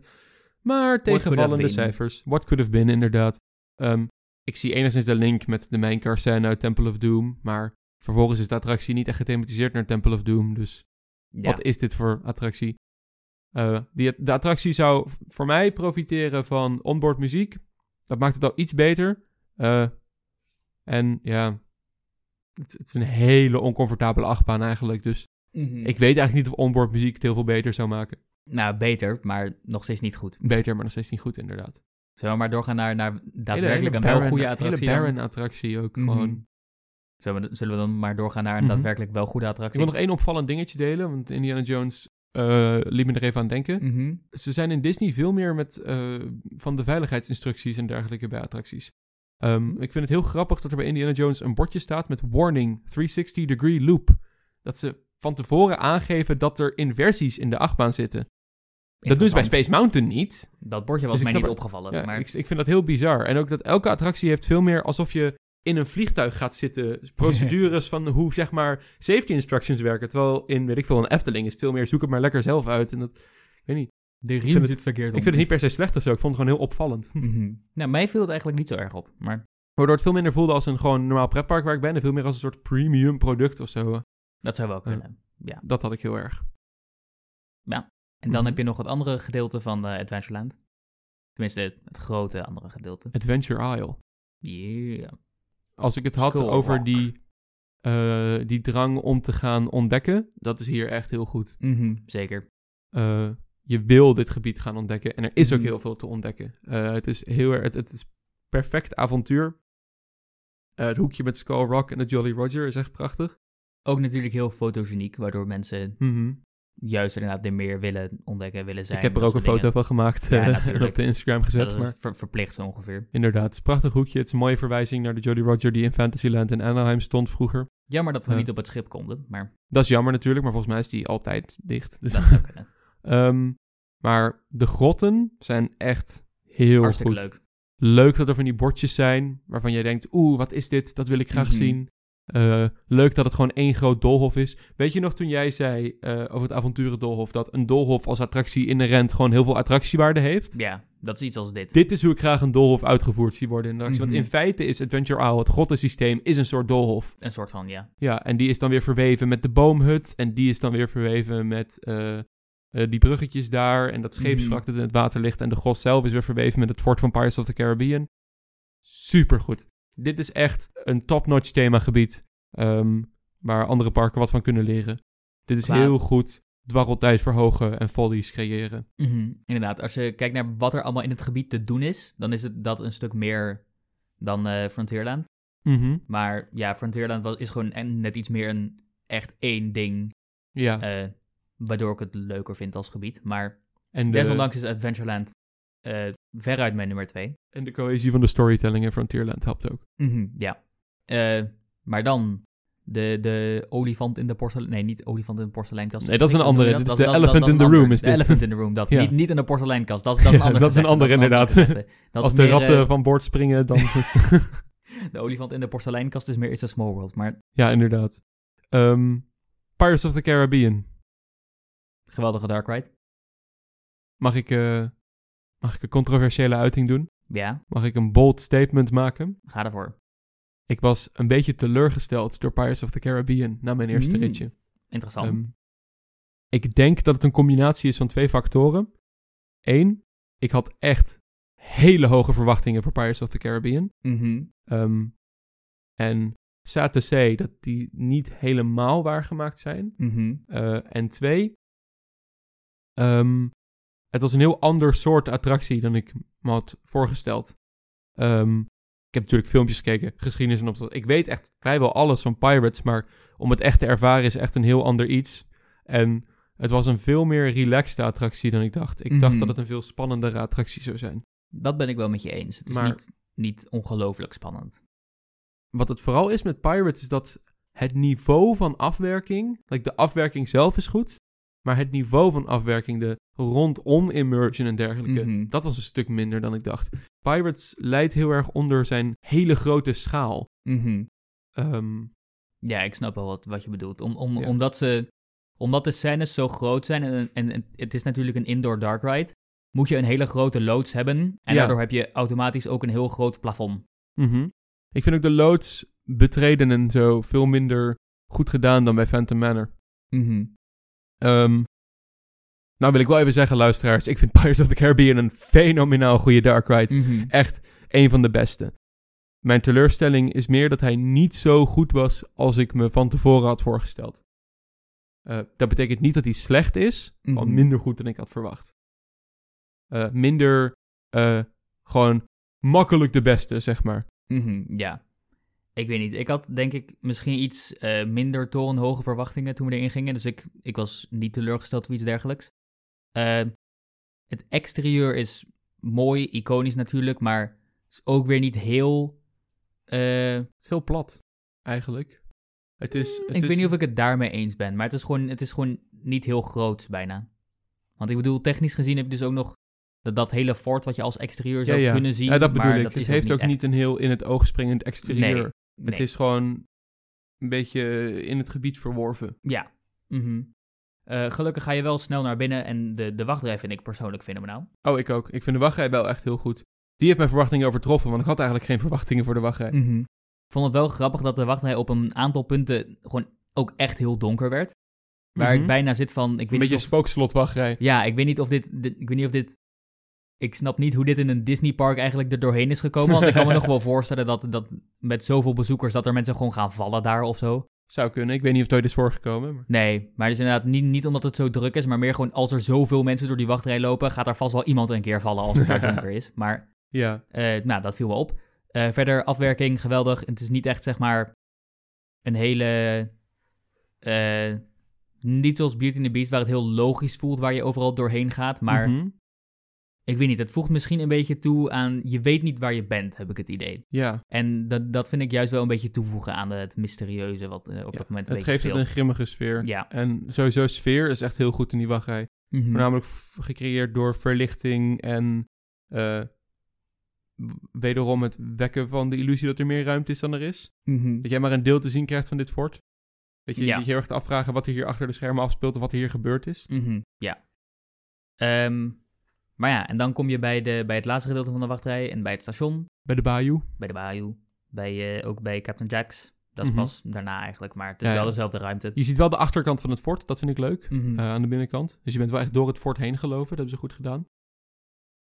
Dan volgens de storytelling van Pirates is naar mijn weten ehm, dat je een verlaten Spaans fort betreedt. eh, met allemaal dode mensen uit het hoogtij van de piraterij. En dat je dan vervolgens een vaartocht maakt door de bayou. Een waterval opgaat. Of in ieder geval naar boven gehesen wordt. En dan door de geesten van de zee, in dit geval gepersonificeerd als Davy Jones, teruggezet wordt in de tijd. Of Blackbeard. Of Blackbeard. Nou hebben Daar wij gaan we- gelukkig geen daar enkele gaan we het later Blackbeard over gehad, Maar Maar eh, dan word je teruggezet naar het hoogtij van de piraterij. eh, waar ik het net ook al over had. Om de piraten te zien die een stad aan het plunderen zijn. Eh, en dan, na, dat, eh, na het punt waar zij de stad opgeblazen hebben. en alles in de fik vliegt en alles fout gaat. eh, crash je als het ware weer terug in het heden.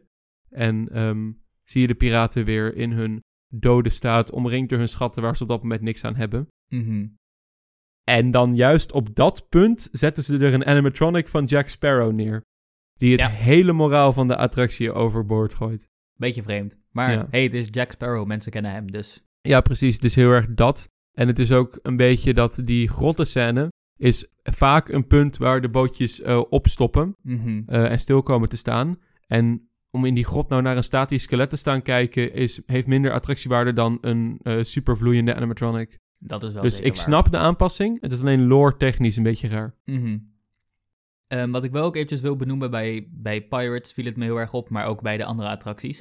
Ehm, dat de, de, de outfits van de medewerkers bij attracties en Oh, ja. überhaupt hoe de medewerkers, nou, bij Pirates dan toevallig niet, maar eh, daar kom ik misschien later nog op terug. Ehm, maar gewoon de outfits van de medewerkers zijn veel beter dan bij de meeste parken, want hier voegen ze daadwerkelijk toe aan de, aan de ervaring. De outfits zijn in thema. Mhm, ja. En dat vind, je, dat vind je maar zelden. Wat ik nog kwijt wil over, wat ik nog kwijt wil over Pirates is het transportsysteem. Ik heb daar nogal wat nou, problemen, als het ware, mee.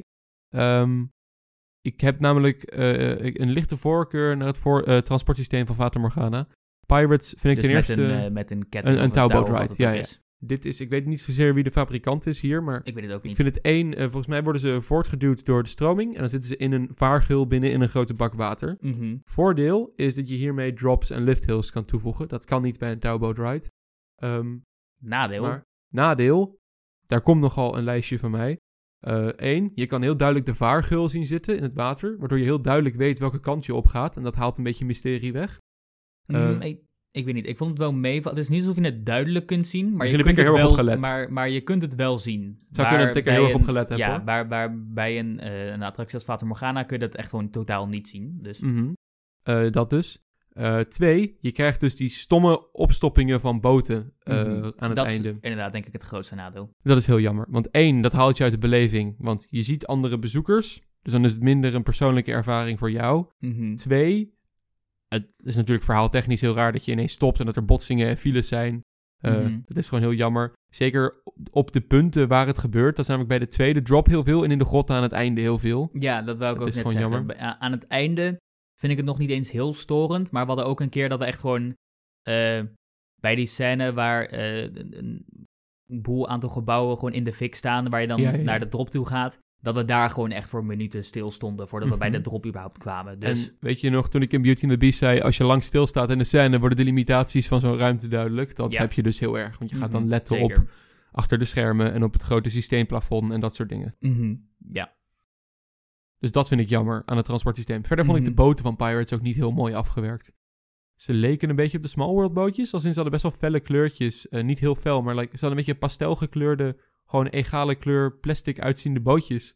In plaats van dat de bootjes mooi gethematiseerd waren. Dat vond ik ook jammer. Om eerlijk te zijn, ik heb er niet heel erg op gelet. Maar Mhm. ja, Wat ik wel goed vind aan Pirates is dat je eh, echt de, de, de logische overgang van scènes. Namelijk je vaart de bayou in en dan vaar je zo naar boven. En het, ik vind het leuk dat je eerst door het fort heen gaat. Dat dan wordt aangevallen door het grote schip. mhm. Eh, en dat je dan actief meemaakt dat je aangevallen wordt. En vervolgens eh, val je het fort uit. En dan zie je het fort waar je net in zat aangevallen worden door het schip. Dat vind ik echt heel leuk. Mhm. Ehm, wat ik wel ook een beetje merkte, is je merkt wel heel duidelijk dat eh, de karakters uit de films later zijn toegevoegd en dus Ja. niet echt goed geïntegreerd zijn in het verhaal. Klopt. Nou is het natuurlijk hartstikke logisch waarom ze dat hebben gedaan, maar ja, het is niet perfect. maar niet eh, heel storend. Nee, nee, dat, dat zeker niet. Ik weet niet. Misschien is zeggen dat het niet perfect is uitgevoerd niet helemaal correct, want ik weet ook niet hoe ze het beter hadden kunnen doen. Mhm. Maar de karakters zijn gewoon niet perfect geïntegreerd in het verhaal. Nee. En ja. Je hebt al uit mijn hoofd een Jack Sparrow en een ton. Ja. Bij de piraat met de, met de sleutel en de schatkaart. Mhm. Je hebt eh, de Jack Sparrow in de grotten, waar we net al een beetje kritiek op hebben gehad. En dan heb je de Barbossa animatronic. Ik denk dat ik Barbossa de beste toevoeging vind. Mhm. Om een paar redenen. Eén, het is een schitterende animatronic. Dat is natuurlijk logisch. Eh, twee, hij voelt het minst out of place. Ehm, hij voelt niet alsof hij... Hij voelt wel later toegevoegd, maar niet alsof ze hem echt een beetje ertussen gepropt hebben. Alsof ze wel echt even nagedacht hebben over waar ze hem zouden neerzetten. Mhm. En drie, lore technisch past hij juist bij die scène. Eh, die scène moet laten zien dat piraterij niet loont aan het eind. Dat de piraten Mm. allemaal dood zijn en met hun schatten daar liggen die ze niks meer waard zijn. Barbossa is op dat moment vervloekt. Ah, Ehm, dus het laat zien dat zijn piraterij hem ook niet geloond heeft, omdat hij vervloekt is. Nou is de projectie van hoe die in een skelet verandert niet heel goed, maar ja, zeker als vergelijkt met Shanghai, met die eh, Jack Sparrow daar. Maar Mhm. ehm, conceptueel en lore technisch past hij daar een stuk beter dan Jack Sparrow. ja, ik moet wel zeggen, eh, dat hele, de hele moraal van dat piraterij niet loont, komt niet heel duidelijk naar voren in de attractie. Ik denk dat het overgrote deel van de, van de bezoekers dat gewoon compleet mist. Mhm. Maar ja, De eerste lifthill is mooi. Met Zeker, de lantaarns en de mooi. kettingen en de orgelmuziek en de projectie Mhm. van Davy Jones. Ik vind de projectie van Davy Jones misschien nog wel het best geïntegreerde deel uit de nieuwere films. ja. Eh, Blackbeard wat minder, want wat doet hij daar? Eh, wij zijn allebei een beetje fan van Pirates of the Caribbean films, dus het voelt een beetje raar dat Blackbeard een soort van omnipotente macht heeft op een waterval. Maar eh, bij Davy Jones voelt het wat logischer als echt eh, een soort uh, go godenfiguur van de zee. Mhm, ja. Voelt wat magischer. Ja, ik denk het is ook een beetje overbodig om elke scène van Pirates te gaan bespreken. Want dan Wederom. zitten we hier ook nog meer dan een half uur. Daar kunnen Ja. we ook eventueel op een later moment nog een aflevering over maken. Ehm, ja? Het is een hele goede dark ride. Oh, dat absoluut. Ja, ik wil nog eventjes, inderdaad, nog- omdat mensen misschien schrikken van mijn opmerking dat ik teleurgesteld was. Het is wel echt, echt, echt, echt Mhm. een hele goede dark ride. Eén van de beste, te- van de beste van Europa. Mhm. En ehm, het is ook makkelijk, eh, denk ik, mijn nummer twee attractie van Disneyland Parijs na Phantom Manor. Eens. Het is een beetje persoonlijke voorkeur of je Phantom Manor of Pirates beter vindt, denk ik. Mhm, Ja. Ehm, dan hebben we eigenlijk alle gebieden van het Disneyland Park wel gehad. Wat ik wel ook nog eventjes wil benoemen. En dit vind ik voornamelijk een gemiste kans eh, vanuit Disney. Nou, het is Mhm. natuurlijk maar de vraag of het een gemiste kans is of niet. Voor ons pretparkfans is het een enorme gemiste kans. Ehm, namelijk, er zijn zo ongelooflijk veel souvenirwinkeltjes in Disney. Ja. En toch verkopen ze allemaal voor 80% precies hetzelfde. Mhm. Eh, in zo ongeveer elke winkel in de main, in, in eh, Main Street USA, zo heet het toch? Kun je precies hetzelfde vinden. De enige uitzonderingen waar je wat attractiespecifieke merch kunt vinden zijn bijvoorbeeld bij Pirates. Al is dat natuurlijk ook een IP, dus Ja, inderdaad. dat echt attractiespecifiek is. Eh, voor Phantom Manor en Big Thunder Mountain is er bijna niks te vinden. Eh, ja, ik vind het gewoon jammer dat, dat Disney eh, weinig merch voor hun attracties heeft en gewoon heel erg de merch van hun IP's pusht. Ja, klopt. En ja, het is logisch, want dat verkoopt veel beter. Maar alsnog. Misschien een klein stukje voor de fans, zou ik Ja. hopen. Mhm. Er zijn een paar leuke souvenir voor, souvenirs voor fans, zoals de posters. Mhm. Maar Posters, pins. boeken, dat soort dingen. en die, die Maar- boeken inderdaad. Maar ah, gewoon een, een, een modelletje van Phantom Manor zou ik al heel erg waarderen. Mhm, ja. Ehm, Of een magneet. Eh, ja, er, er waren volgens mij wel een paar magneten, maar dat zijn er dan like twee of zo. Ja, precies. het Iets- was gewoon iets een meer. beetje Iets teleurstellend. meer attractiespecifieke merch Mhm. zou welkom zijn. Voor, voor attracties van de schaal van Phantom Manor en dinges. En dat je dan gewoon zo weinig merch ervoor hebt, is een beetje teleurstellend. Mhm. Maar ja, dat, dat, dat moest ik even kwijt. Als we dan Disneyland Park Parijs verlaten, ehm, wil ik graag even dus het opvallende en een beetje problematische aan het park gelijk even delen. Ehm, als je goed, even een beetje hebt geluisterd naar onze review, je kan de wereldklasse supergoede attracties op één hand tellen. Ja. Ja, dat is eigenlijk heel raar voor een Disneypark. Vind ik van wel in ieder geval. Mhm. Ehm, en dit is misschien ook een beetje handig om toe te lichten waarom, nou zeg maar, om toe te lichten hoe wij naar Disney kijken. Ja. Eh, in mijn ervaring, ik weet niet of dit echt zo is bij iedereen, maar er, er bestaat een soort concept in de pretparkgemeenschap van een soort Disney-standaard. ja, klopt. Eh, alsof Disney de beste pretparkketen is Disney en kwaliteit. duidelijk boven de rest staat. Ja. Eh, en ik, en volgens mij jij ook, zijn eigenlijk van mening dat dat helemaal niet bestaat. Nee. Er staan attracties in andere parken die echt heel goed zijn. En die worden dan door pretparkfans altijd bestempeld als... Oh, dit is echt Disney standard. Terwijl zo'n attractie veel beter is dan veel attracties die Disney zelf produceert. Mhm, ja. Eh, dus dan is het een beetje een rare lat om zo'n attractie aan te leggen. Ja, inderdaad. Eh, ik hoor het bijvoorbeeld vaak als buitenlandse fans over Symbolica praten. En ik neem aan dat ze dan bedoelen van... Wow, deze attractie is zo ongelooflijk goed. Dit zou zo in een Disneypark kunnen staan. Maar door dan specifiek de term Disney Standard te gebruiken... eh, wordt dan eigenlijk geïmpliceerd dat alle attracties in Disney van een dergelijk niveau zijn. En ja, je hebt Phantom Manor en Pirates... Maar je hebt ook Pinocchio, Sneeuwwitje, Peter Pan, Buzz Lightyear, It's a Small World, ga zo maar door. Eh, dus dan ligt het niveau van Symbolica toch wel echt ver boven het gemiddelde. Ik weet niet of dat helemaal duidelijk overkwam, maar het punt wat we hiermee proberen te maken is dat Disney eh, wordt gezien alsof ze in hun eigen league zitten. En het is zeker waar dat de allerbeste Disney-attracties beter zijn dan het beste wat andere parken te bieden hebben. Maar de Disneyparken hebben ook zat attracties die enorm ondermaat zijn voor wat ik van Disney verwacht. En ik denk zelfs dat, ehm, gezien natuurlijk de Disney dollars, het verschil in budget, eh, je die ondermaatse attracties juist harder mag afrekenen dan bij de meeste parken. Ja, je mag kritischer zijn omdat je weet wat voor ontwerpteams ze hebben... en wat voor budgetten ze tot hun beschikking hebben. Mhm. En als je dan zo het totaalplaatje van alles bekijkt, dan zijn de Disneyparken als geheel eigenlijk helemaal niet zo in hun eigen league als eh, men vaak doet lijken.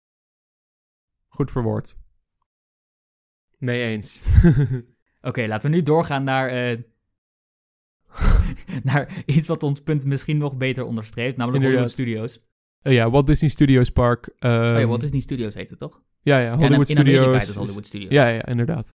Ah, maakt niet heel veel, het maakt niet heel veel uit. Het is allemaal hetzelfde. Ehm, Ik vind, Ja. Wat me meteen opviel is, ik bedoel, alle luisteraars zouden als het goed is eh, moeten weten, en als je het niet weet, dan eh, weet je het nu, dat eh, Hollywood Studios onder een ongelooflijk eh, beperkt budget is gebouwd, vergeleken met wat ze hadden gewild.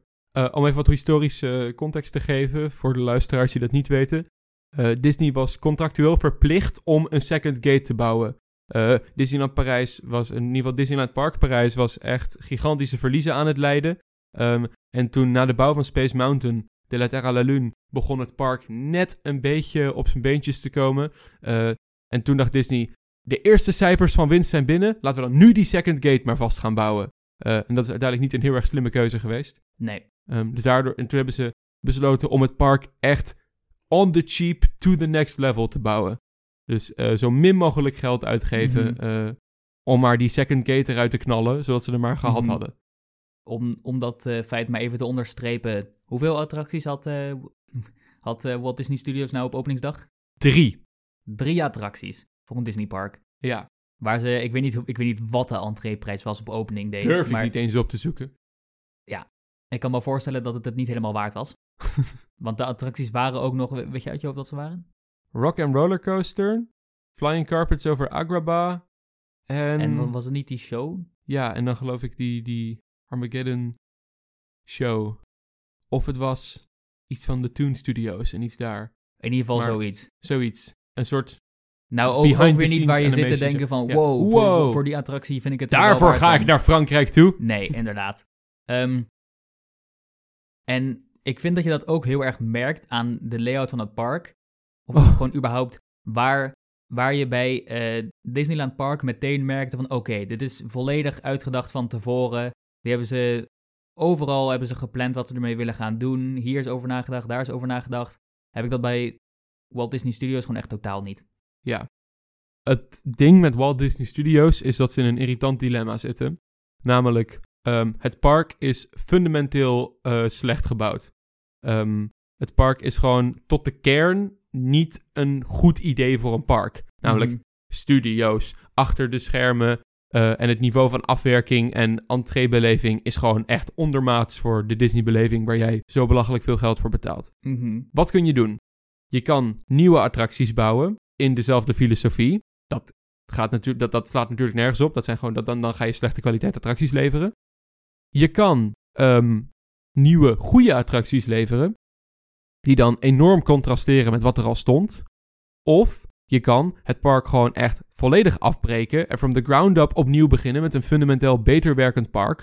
Wat ze enigszins aan het proberen zijn nu. Met Frozen en zo. Probleem is dan dat je dan een park krijgt dat gewoon niet een heel erg onderscheidend karakter heeft ten opzichte van het Magic Kingdom Park dat er al staat. Eh, en dan voelt het heel erg als waarom is dit een second gate slash waarom is er überhaupt een second gate. Mhm. Dus ja. daarmee zit het park een beetje in een rare benarde positie. eh, waarbij ehm, ook het park dusdanig slecht is dat alle nieuwe toevoegingen en alle uitbreidingen meteen naar het Studiospark gaan. Want het Studiospark heeft het het hardst nodig en Mhm. Disneyland Park niet. En daardoor ligt Disneyland Park echt al jaren gewoon droog aan nieuwe uitbreidingen. Ja. Ik weet niet wanneer de, de, de laatste was, maar 2005 te lang was de laatste geleden. nieuwe uitbreiding. En dat was eh, een vervanging voor het Visionarium, namelijk Buzz Lightyear. De laatste echt nieuwe, nieuwe attractie was Space Mountain in 1995. Dat is eh, nogal pijnlijk. Ja. Ehm, maar ja, er zijn een aantal goede dingen aan studio's. Tower of Terror is een geweldige attractie. Mhm. Ratatouille is een prima attractie met een leuk gebiedje eromheen. Wederom attracties die ook niet ehm, zouden moeten staan in, in, in het Disneyland Park. Omdat ze daar zouden misstaan. Vooral Tower of Terror zou er niet bij passen. nee, inderdaad. In de visie van hoe dat park is opgebouwd. Mhm. Ehm, je hebt verder het, is het? het, het Toy Story gebied. Dat vind ik eigenlijk echt heel rommelig. Mhm. Dat is gewoon ja, wat groen met dan hier en daar een random attractie neergepleurd. Ja. Waarom staat Buzz Lightyear daar niet? Dat is beyond me. Maar Mhm. Het is gewoon heel erg een park dat een eigen karakter mist. mhm. Ze hebben het nu een beetje gemaakt van... Oké, dit is ons IP-park. We hebben een Pixar-gebied. En we het hebben voelt een, inderdaad heel erg als een IP-park. Ja, en het voelt... Ja, het is, het is echt een, een beetje een doelloos park... wat niet weet wat ze willen zijn. Willen we studio's zijn? Of willen we gewoon Magic Kingdom-style... immersive attracties bouwen? Mhm. Ratatouille Ja. bewijst het immersive attracties bouwen. En dan vervolgens heb je wel nog de attracties staan... die dat idee totaal... In, de hele entree van het park is natuurlijk gewoon... nog steeds in dat studio's gevoel. Mhm. Dan gaan ze de entree geloof ik wel binnenkort updaten... maar ik geloof niet dat het heel Dat veel beter gaat worden. dan maar. Ehm, ja. Het Om maar gewoon- even te benadrukken hoe eh, Walt Disney Studios er dus bij ligt. Je hebt in principe een, een, een... Er is een soort Main Street. Alleen, Een soort. Alleen je, je hebt dat, dat, eh, dat beeld van Walt Disney met Mickey Mouse. En dan daarachter heb je de Main Street. Alleen eh, er is niks. Namelijk, het is een niks. straat van iets van 30 meter die nergens naartoe gaat. Met twee grote borden. Ja. ehm, die dan huizen moeten voorstellen. Hij Overigens- gaat dus naar Frozen, toch? Maar Hij gaat binnenkort naar Frozen, ja. Maar eh, overigens vind ik het echt fucking hilarisch... dat dat standbeeld van Walt Disney daar staat... wijzend naar de loods. Van Yay. dit is mijn nalatenschap. Dit is wat ik Mhm. jullie schenk. Ja. Ja. Ik weet niet of hij daar Weet blij je, mee zou zijn. Ik denk niet maar, dat hij daar heel blij mee zal zijn, nee. eh, ja, ik weet niet, ik wil eigenlijk niet te veel woorden aan, aan Hollywood Studios vuil maken, of aan Walt Disney Studios vuil maken. Het is met Verder gemak je- het slechtste Disney park. Ja, je, je hebt Avengers Campus. Met eh, ja, het gebied zelf is nogal. Nogal. eh. Ik weet niet, verbazingwekkend genoeg vind ik het zelf eigenlijk leuker dan het Toy Story ding. Omdat bij het Toy Story ding heb ik gewoon het gevoel dat er. Dat het qua gebied niks is. Je loopt door gewoon wat groen links en rechts. Maar dat past ook Mhm. niet bij Toy Story. Ja, mijn probleem met Avengers Campus is een beetje... Het ziet er mooi uit en het ziet er schoon uit. Het is gewoon niet heel escapistisch. Nee. Want het is gebaseerd op de Avengers. En dat speelt zich een beetje in een iets wat meer sci-fi versie van de realiteit af. Mhm. Maar ik ben van, ja, leuk zo'n modern gebouw. Maar dat zie ik ook als ik momenteel uit mijn Mhm. raam kijk. Ja. Het is ook. ehm, ik weet niet of we hier misschien op een later moment nog een keer een aflevering aan gaan wijden. Het zou kunnen. Maar zeg maar, waar wij denken dat Disney fout is gegaan en hoe ze het zouden kunnen verbeteren. Maar ik denk gewoon dat ook een thema als Marvel niet even populair is in Europa als in Amerika. Mhm, dat ook. Natuurlijk zijn de Marvel films wel heel succesvol, maar... Ik weet niet. Ik, ik, Ik ik, zou er niet voor naar een pretpark ik, gaan. precies. Ik ga gewoon... Ik kijk de films. En ik hoef het niet in een attractievorm te hebben. Dat kan ook een persoonlijk Mhm. ding van mij zijn. Ehm, en ook de attracties in ik denk ook dat, Campus. dat Marvel specifiek niet een goed thema is om een pretparkgebied over te maken. Als ik denk van, oh, ik wil echt naar de Avengers Campus. Of ik noem maar een ander thema waar ik ook geen fan van ben, maar Star Wars, iets als Galaxy's Edge. Ik zou Mhm. veel liever naar iets als Galaxy's Edge willen. Veel Dan, escapistischer. ja, inderdaad. Ja. Ehm, Verder de attracties. Spider-Man, we hebben hem niet eens gedaan, want ik had geen zin om er meer dan een kwartier op te wachten. hij stond 50 minuten de hele tijd. Geen zin in. En het probleem is een beetje... eh, er is een single rider rij en die is een stuk korter. Maar je gaat niet single rider in Spider-Man. Want die attracties zijn alleen leuk als je er met een groep in gaat. Mhm, ja. Interessante e- de- technologie, De, maar... de enige manier waarop wij ons konden voorstellen dat we hem leuk zouden vinden, is als, als je naast elkaar zit en dat je gewoon moet lachen, omdat je doorhebt hoe, hoe zeg maar, dom je bezig je bent. eruit ziet. Inderdaad. Hoe belachelijk je eruit ziet, inderdaad. Dat je een beetje met je handen een beetje aan het... Piu, piu, piu, Spider-Man, Het is echt een gimmick. Het is gewoon een gimmick uitgevoerd tot een volledige attractie. Ja. Ehm, Verder, we zijn er niet in geweest, dus ik kan niks Nee, zeggen we over de kunnen niks zeggen over Wel het level van dat ze Tom Holland hebben ingehuurd en hem vervolgens een Franse dub over hebben gegeven. slaat helemaal nergens op. Ehm, Eh, dan had je nog Flight Force. Ja. Om eerlijk te zijn, ik vond Flight Force minder slecht dan ik van tevoren had verwacht. Mhm. Dat zegt niet heel veel, Dat maar... komt omdat onze verwachtingen echt door de bodem waren. Mhm. Eh, verder, Nou ja, Ik- Flight ik- Force, jij wilt nog een, eh, een hot take over Flight Force ja, ik ga een eh, hot take droppen. Ik, ik, ik vind Flight Force beter dan Hyperspace Mountain. Ja, dan Hyperspace Dan Mountain. Hyperspace specifiek. Mountain. Dan moet je heel Ja, ja. duidelijk de hyper erbij zetten. Mhm. Maar ik weet niet of dat een hot take is of niet. Maar Ja, de schermen zijn iets beter. En de... de schermen rit- zijn iets beter. iets Persoonlijk vond ik de rit comfortabeler. Maar dat is een, dat Ik is niet. een persoonlijk ding. Ik vind Eh, die beugels echt gruwelijk oncomfortabel. Mhm. Ik vind het belachelijk dat ze die treinen gewoon hetzelfde hebben gehouden als die van de Rock'n'Roller Coaster. Op het moment dat je de hele achtbaan vernieuwt. Dat is wel waar. Maak Eh. een modernere Vekoma-trein. Gebruik die. Gebruik comfortabelere ja, ze zijn er. Je kunt ze erop zetten. Maar Ja, daarom. ze Ze zijn er gewoon. Disney. Eh, maar goed, het zal wel. Ehm, ja, de wachtrij is gewoon heel erg plat en modern. En niet per se heel romantisch of tot de verbeelding sprekend. Nee. Veel posters en goedkope afwerking op die manier. Mooie animatronic van Iron Man, maar het voelt wel echt heel erg alsof dat is Mhm. waar al het geld naartoe gegaan is. Inderdaad. Beter Ehm, dan Hyperspace, though. Soms, ja, dat zeker. De wachtrij is wel beter dan Hyperspace. Daar ga je letterlijk door gewoon golfplaten heen. Mhm. Ehm, en een klein stukje Baltimore Gun Club, waar gewoon echt het stuk van de muren afbrokkelt. En niet op een leuke piekse manier. Nee. Ehm, maar ja, soms is die Iron Man animatronic ook gewoon helemaal niet zichtbaar. Eh, dan laat ze je gewoon door de pre-show ruimte heen lopen oh alsof ja, het een dat, is- dat is. ons ook gebeurd. soms ook overkomen. Ehm, ja, het is gewoon... Het is letterlijk Hyperspace Mountain. Maar dan met iets modernere, betere kwaliteit, schermen en tech en dat soort dingen. Ja. Mid. Mid. Mooie mooi, mooi voorbeeld van mid, inderdaad. Nog steeds absoluut Disney onwaardig, maar Oh, ik, denk dat we, ik denk dat het al genoeg zegt over de, de, de staat van Hollywood Studios, dat, dat we dit nog een oké attractie in het park Het vinden. is een van de betere attracties van eh, Hollywood Studios. Helaas wel. Ik heb helaas nooit Rock'n'Roller Coaster kunnen doen, dus ik weet niet hoe die vergelijkt. Ik geloof dat de rit een stuk spectaculairder was, vanwege de mismachines en de lichteffecten en dat soort dingen. Maar Mhm. verder is de rit een kloon van Express, die heb ik vaak genoeg gedaan. Prima coaster, goede launch, daarnaast gewoon uitrijden. En zo Mhm. weinig coasterwaarde. Ja. Hij was beter in het donker dan, ah, hij was beter dan Express. Dat, als je niet weet waar je naartoe gaat, is de layout een stuk speelser dan als je gewoon ziet dat je gewoon een paar bochten aan het maken bent. Dat is wel waar, dat is wel waar. Mhm. Eh, ja, Tower of Terror is een fenomenale attractie. zeker waar, zeker waar. Maar ik heb wel wat problemen met de New Dimension of Thrills die ze nu hebben toegevoegd. Ehm, ik vind, denk ik, die heb ik dan weer wel gedaan, de originele Tower of Terror beter.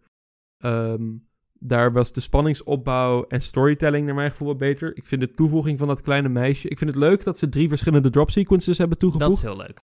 Ik vind alleen dat dat meisje niet heel veel toevoegt. Ik vind dat zij te veel praat, waardoor het mysterie eraf gaat. En zeker omdat ze Frans en Engels praat, voelt het heel erg shoehorned en niet creepy. Ehm, en eh, de hele effect met de spiegel en de bliksem en de muziek en de vertelling er tussendoor haalt een beetje drama weg. Ik, vind, ik mis de Mhm. vertelling niet. Wat ik wel heel erg mis is de muziek. Het is een hele stille rit, Tower of Terror. Dat was hij daarvoor ook al, maar er was nog een beetje Twilight Zone muziek tussendoor. En ik weet niet, de creepiness van die hal waarin de geesten verschijnen en dat het dan zo verduistert, dat hebben ze een beetje overhoop gegooid door gewoon de effecten te recyclen, maar ze een beetje een rare andere volgorde te doen. En dan die projectie van dat meisje, die duidelijk veel moderner is dan de projecties van de andere geesten er zo bij. Ja, Ik weet niet, ik vind het niet per se een goede aanpassing. Dus ja, ik vind het thematisch een beetje een downgrade, maar nog het steeds, verpest de attractie niet. Het is nog, nog steeds, een hele by goede far de beste attractie van het park. Maar Dat zeker. En een schitterend voorbeeld van hoe je een flat goed thematiseert. Mooie, het is mijn favoriete soort attractie. Een perfecte blend van theming en thrill. Mhm. Op het niveau van een Baron 1898. Een ja, de, rit past heel Fly. goed bij ook... eh, Mhm. De rit past goed bij het eh, thema. Ehm, het voelt heel erg alsof het thema eerst was. En dat toen de rit daarvoor is uitgekozen. In plaats van ze zeiden, we willen een drop tower bouwen. Hoe gaan we dat thematiseren? mhm, ja, Ehm, ik kan Dus ook eh, als, als fan kan ik natuurlijk de, de rit ook wel waarderen, omdat het eigenlijk gewoon de beste thrills van het, eh, van het resort het geeft de beste airtime van het resort. Ja. Ja, en ik bedoel, de, de, de andere echt thrill-attracties die thrill horen te zijn, zijn... Flight Force. Ja, ik bedoel, van, van, gewoon überhaupt van het resort zijn Mhm. on- oncomfortabele achtbanen. Dus Oude Vacoma's die eh, ook een beetje aan het eind van hun Latijn aan het komen zijn. ja, en, en een oude Intamin, maar... Ja, in één oude Intamin. Ehm, maar Tower of Terror is wel echt Ik, schitterend. ik, ik zou denk, ik, voor, ik zou denk ik voor, voor, zeg maar, puur rit zou ik het liefst in Tower of Terror gaan. in dat park wel, ja. Ook als er nul theming zou zijn. Als er nul theming bij alle attracties zou zijn... Dan zou en- Tower of Terror de beste ja. attractie zijn. Ja. Met een, denk ik, Flight Force als een soort second. Ja, eens. Dan heb je nog Crush Coaster. Die hebben we ook gedaan. Die hebben we gedaan. Dit is dus zo'n attractie waarvan, ik, waarvan jij had het net over... als je dit in Toverland zou zetten, zou het een beetje ondermaat zijn. Als je Crush Coaster in een ander park zou zetten... zelfs dan zou het nog opvallen dat het gewoon een beetje... moi afgewerkt is. Ja, ik weet niet. Ik, ik vind het vreemd, want eh, we hebben de single rider rij gedaan trouwens, niet de main rij. Ik weet niet of dat beter main is. rij de main is- rij is volgens mij gewoon een veehok of niet. De main rij is de hel op aarde. Oké, nou dan ben ik blij dat we daar niet in hebben gestaan. Eh, verder, het station, maar is oké. Eh, dan de lift hills zijn, dat vind ik erg leuk. Maar Mhm. vervolgens kom je eigenlijk gewoon in een lege hal en dat is de hele rit. De opbouw naar de rit zelf is goed. De rit zelf is matig. Nou, ik vind het coastergedeelte nog wel leuk, maar Ja, nee, maar qua theming ja, eh, niks. Het is gewoon een donkere rit waar je wel een beetje de loods en de constructie van de coaster kan zien. zeker waar. Alleen aan het einde, op de, de breakrun, kun je nog zo'n zo'n projectie zien van die, van, van die schildpad. Ja, eh, van, van Crush, die dan, waar je heel duidelijk de randen van het, zegt. Ja, waar, waar je heel duidelijk de randen kunt zien van het doek waar ze op projecteren. ja inderdaad. Ehm, ik vind het effect van de haai die op de lift heel naar voren dat, komt dat is het leuk. beste aan die attractie by far. Mhm. Het is leuk dat hij niet beweegt, maar dat ze door middel van stroboscopen en eh, een beetje beweging het effect geven dat hij heel levendig heen en weer Mhm, beweegt. Ja. Ik kan me wel echt voorstellen dat je, dat je als klein kind daar, daar nachtmerries van krijgt. Maar Oh, absoluut. Eh, ik werd al bang van de krokodillen in Fata Morgana, laat staan dit. Eh, maar verder is Crush Coaster wel echt een beetje loads the ride. Mhm, ja, eens. Eh Ratatouille? Daar hebben we ook de single rider rij gedaan. Dat was Mhm. trouwens een heel goede beslissing van ons. Want, timeskip. want we hebben echt 30 seconden daarvoor gewacht of zo. Dat is bijna gewoon een walk-on. Ja. Wel een, een klein gedeelte van de, van de rij gemist. Volgens mij is de, de normale standby line op zich prima gethematiseerd. Niet Mhm. geweldig of zo, maar weet je, we hebben het hier over Hollywood Studios, dus het is al Precies. beter dan gemiddeld. We'll take what we can get. Uh-huh. Eh, verder de rit, ja, voornamelijk schermen, ben ik geen fan van. Op zich wat leuke fysieke decors ermee gedaan. Voornamelijk de, de scène met onder andere de koelkast waar je door, de, door een soort kast gaat of zo. Ja, ik vind het niet het beste benut van een trackless ride system. Nee. Eh, er zijn betere voorbeelden, eh a.k.a. Symbolica. Maar ehm, Is het slecht? Nee. Slecht is het niet. Het is een eh, erg leuke en charming attractie. Ik heb ook een zwak voor de film, dus dat draagt erbij, eh, eraan bij. Maar er is één hele goede scène. Dat is de scène in de koelkast. En de rest van de rit is prima. Ja, prima. Mhm. Eh, ja. Cars. Oh ja, Cars Road Trip. De beste attractie van het park. we, noemden, we noemden Hongkong een Frankenstein van een kasteel. Dit is echt een Frankenstein attractie. Ja. Dit is, dit is de tram tour, maar dan... Nee, nee, nee, nee, nee. We gaan naar de, Cars. de werelds grootste moer. Om het maar even zo te verwoorden. ja. Wij zijn erin gegaan omdat we het grappig vonden. En voor Catastrophe Canyon. Die naam vind ik ook nog steeds... Geniaal. Dat, dat is één manier om het te verwoorden. Maar Absoluut. ja, weet je, die zijn dus leuk. De rest is absoluut shit. Dus Absoluut. Echt, echt een, een, een, gedrocht van een attractie. En, ik hoop, ik weet niet wat de, de rumors nou zijn voor eh, Walt Disney Studios als volgende uitbreidingen na Frozen. Volgens mij was er, ik weet niet of het een rumor was of confirmed dat het Cars wordt. Ik hoop echt heel erg dat dat niet gaat gebeuren. Maar Nou, als het vergelijkbaar wordt met Radiator Springs in California Adventure. ja, dat zou leuk zijn. maar dat alsnog- hebben we al gezien, Disney. Ja, dat hebben we al gezien. Helaas. Classic Disney om weer attracties één op één te gaan lopen kopiëren. Mhm. Ik weet niet. Ik merk dat ik een beetje blijf hangen, want ik weet ook gewoon niet wat ik er meer over kan zeggen. Het is zo'n rommeltje. Er zit, er zit geen De cohesie parklayout in. is zo slecht. Er zijn geen themagebieden.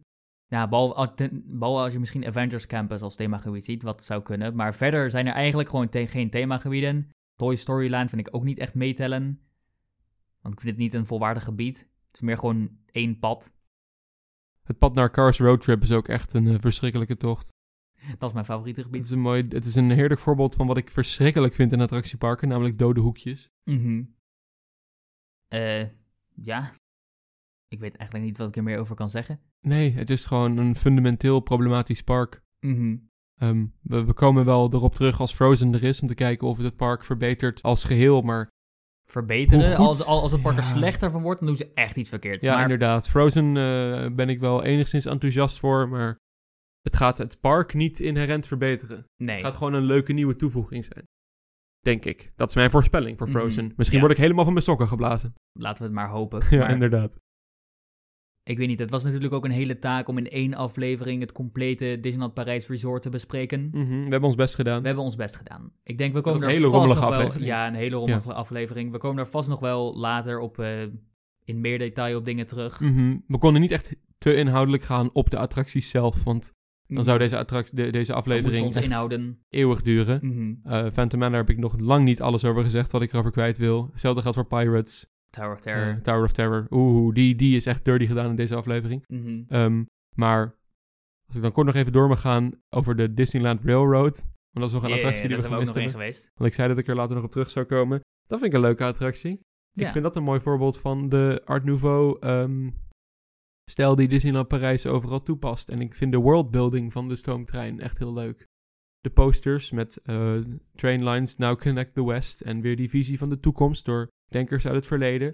En het feit dat de gebieden van het park ook echt worden gezien als hun eigen landen, tussen aanhalingstekens, waar de trein stopt en de tourguide je vertelt over een beetje geschiedenis, waardoor het weer goed uitgepland en artificieel, ja, maar heel mooi als een geheel voelt en echt alles is daar dan goed uitgedacht. En de trein die Mhm. laat dat heel erg mooi naar voren komen.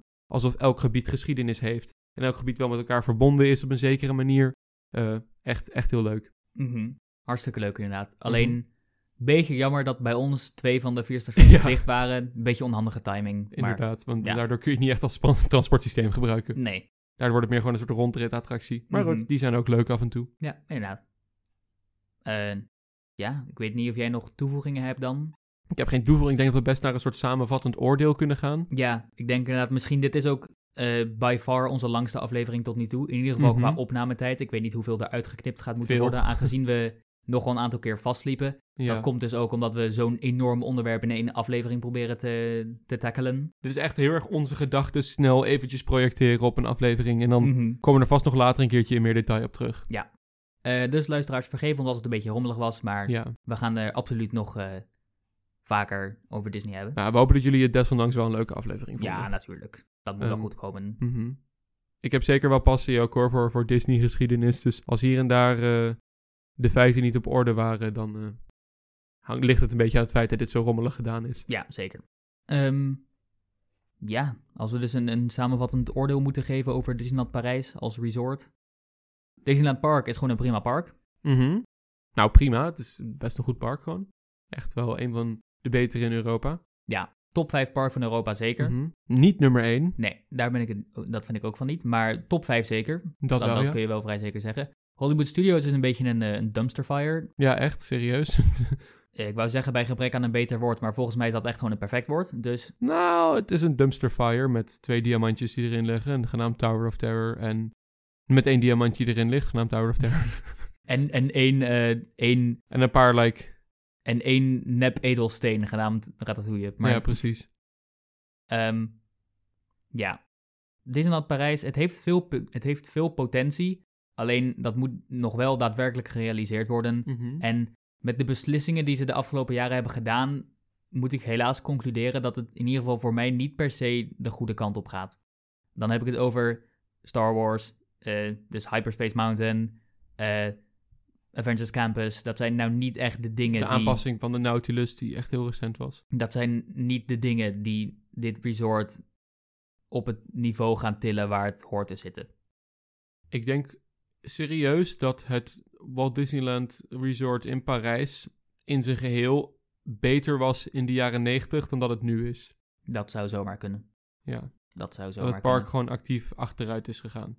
Eh, Het, enige tijd. wat we dan missen is... Het, het, enige echt grote wat we dan missen is Tower of Terror. Maar Ja, we krijgen er wel Space Mountain voor terug. we Dus krijgen de La Terra La Lune voor terug.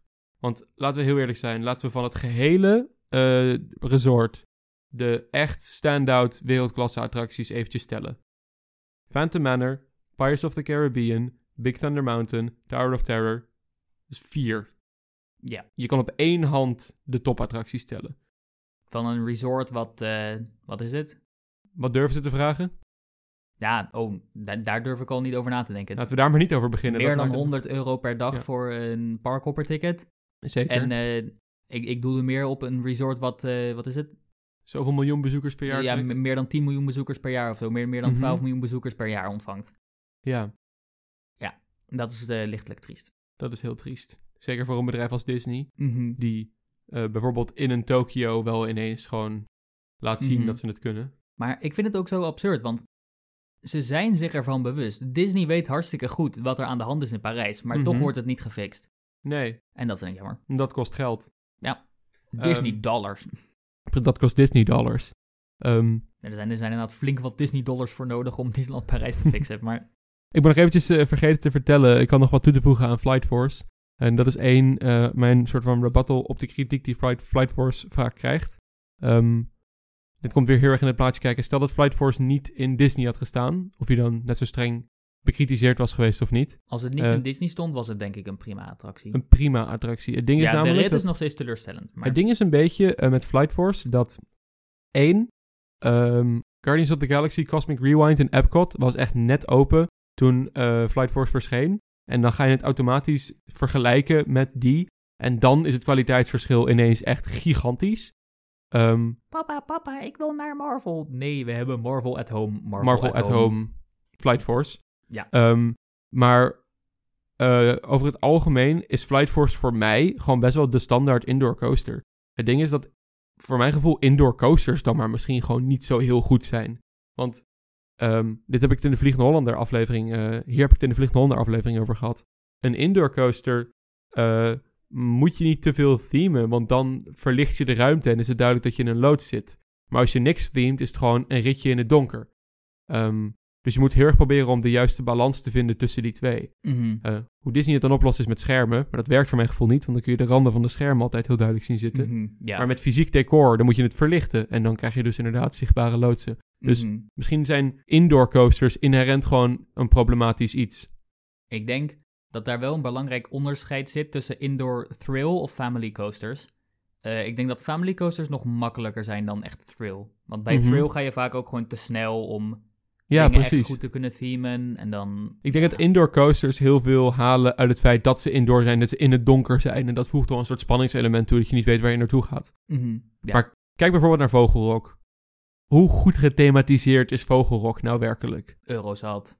Ook ja, niet. hoe goed gethematiseerd zijn al deze attracties nou werkelijk? Het is toch 90% gewoon door het donker rijden. Ja. Ehm, en zo ook met Flight Force. Mhm. Ik vind dat hij dan niet teniet doet aan die andere attracties. Het is gewoon heel erg dat Cosmic Rewind net open was. En dat Flight Force, weet ik veel hoe lang duurde om te bouwen en een belachelijk budget had. Mhm. Dat ik denk van ja, hm, maar ja.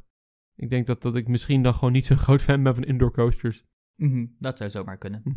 Nou, ik vind ze wel leuk, maar dus wat ik zei. Vanwege het feit dat je een achtbaan doet in het donker en niet weet waar je naartoe gaat.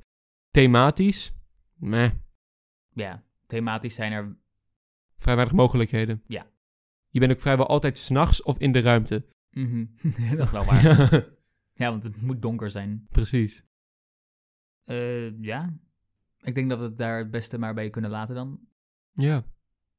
Disneyland Parijs. voor een nu beetje een- trouwens, voor nu. een We beetje gaan een absoluut verder op terugkomen. Absoluut, maar- absoluut. Maar we gaan wel eh, na deze aflevering eventjes van Disney afstappen. ja, ik heb wel eventjes genoeg Disney gehad. Ik heb ook eventjes genoeg van Disney gehad. Eh, een beetje misschien een eh, bittere noot om op te eindigen. Jouw toekomstvisie van net. Maar Ja, het is helaas nou eenmaal zo. het is, het- ik bedoel, we gaan zien of Frozen echt iets, echt iets doet.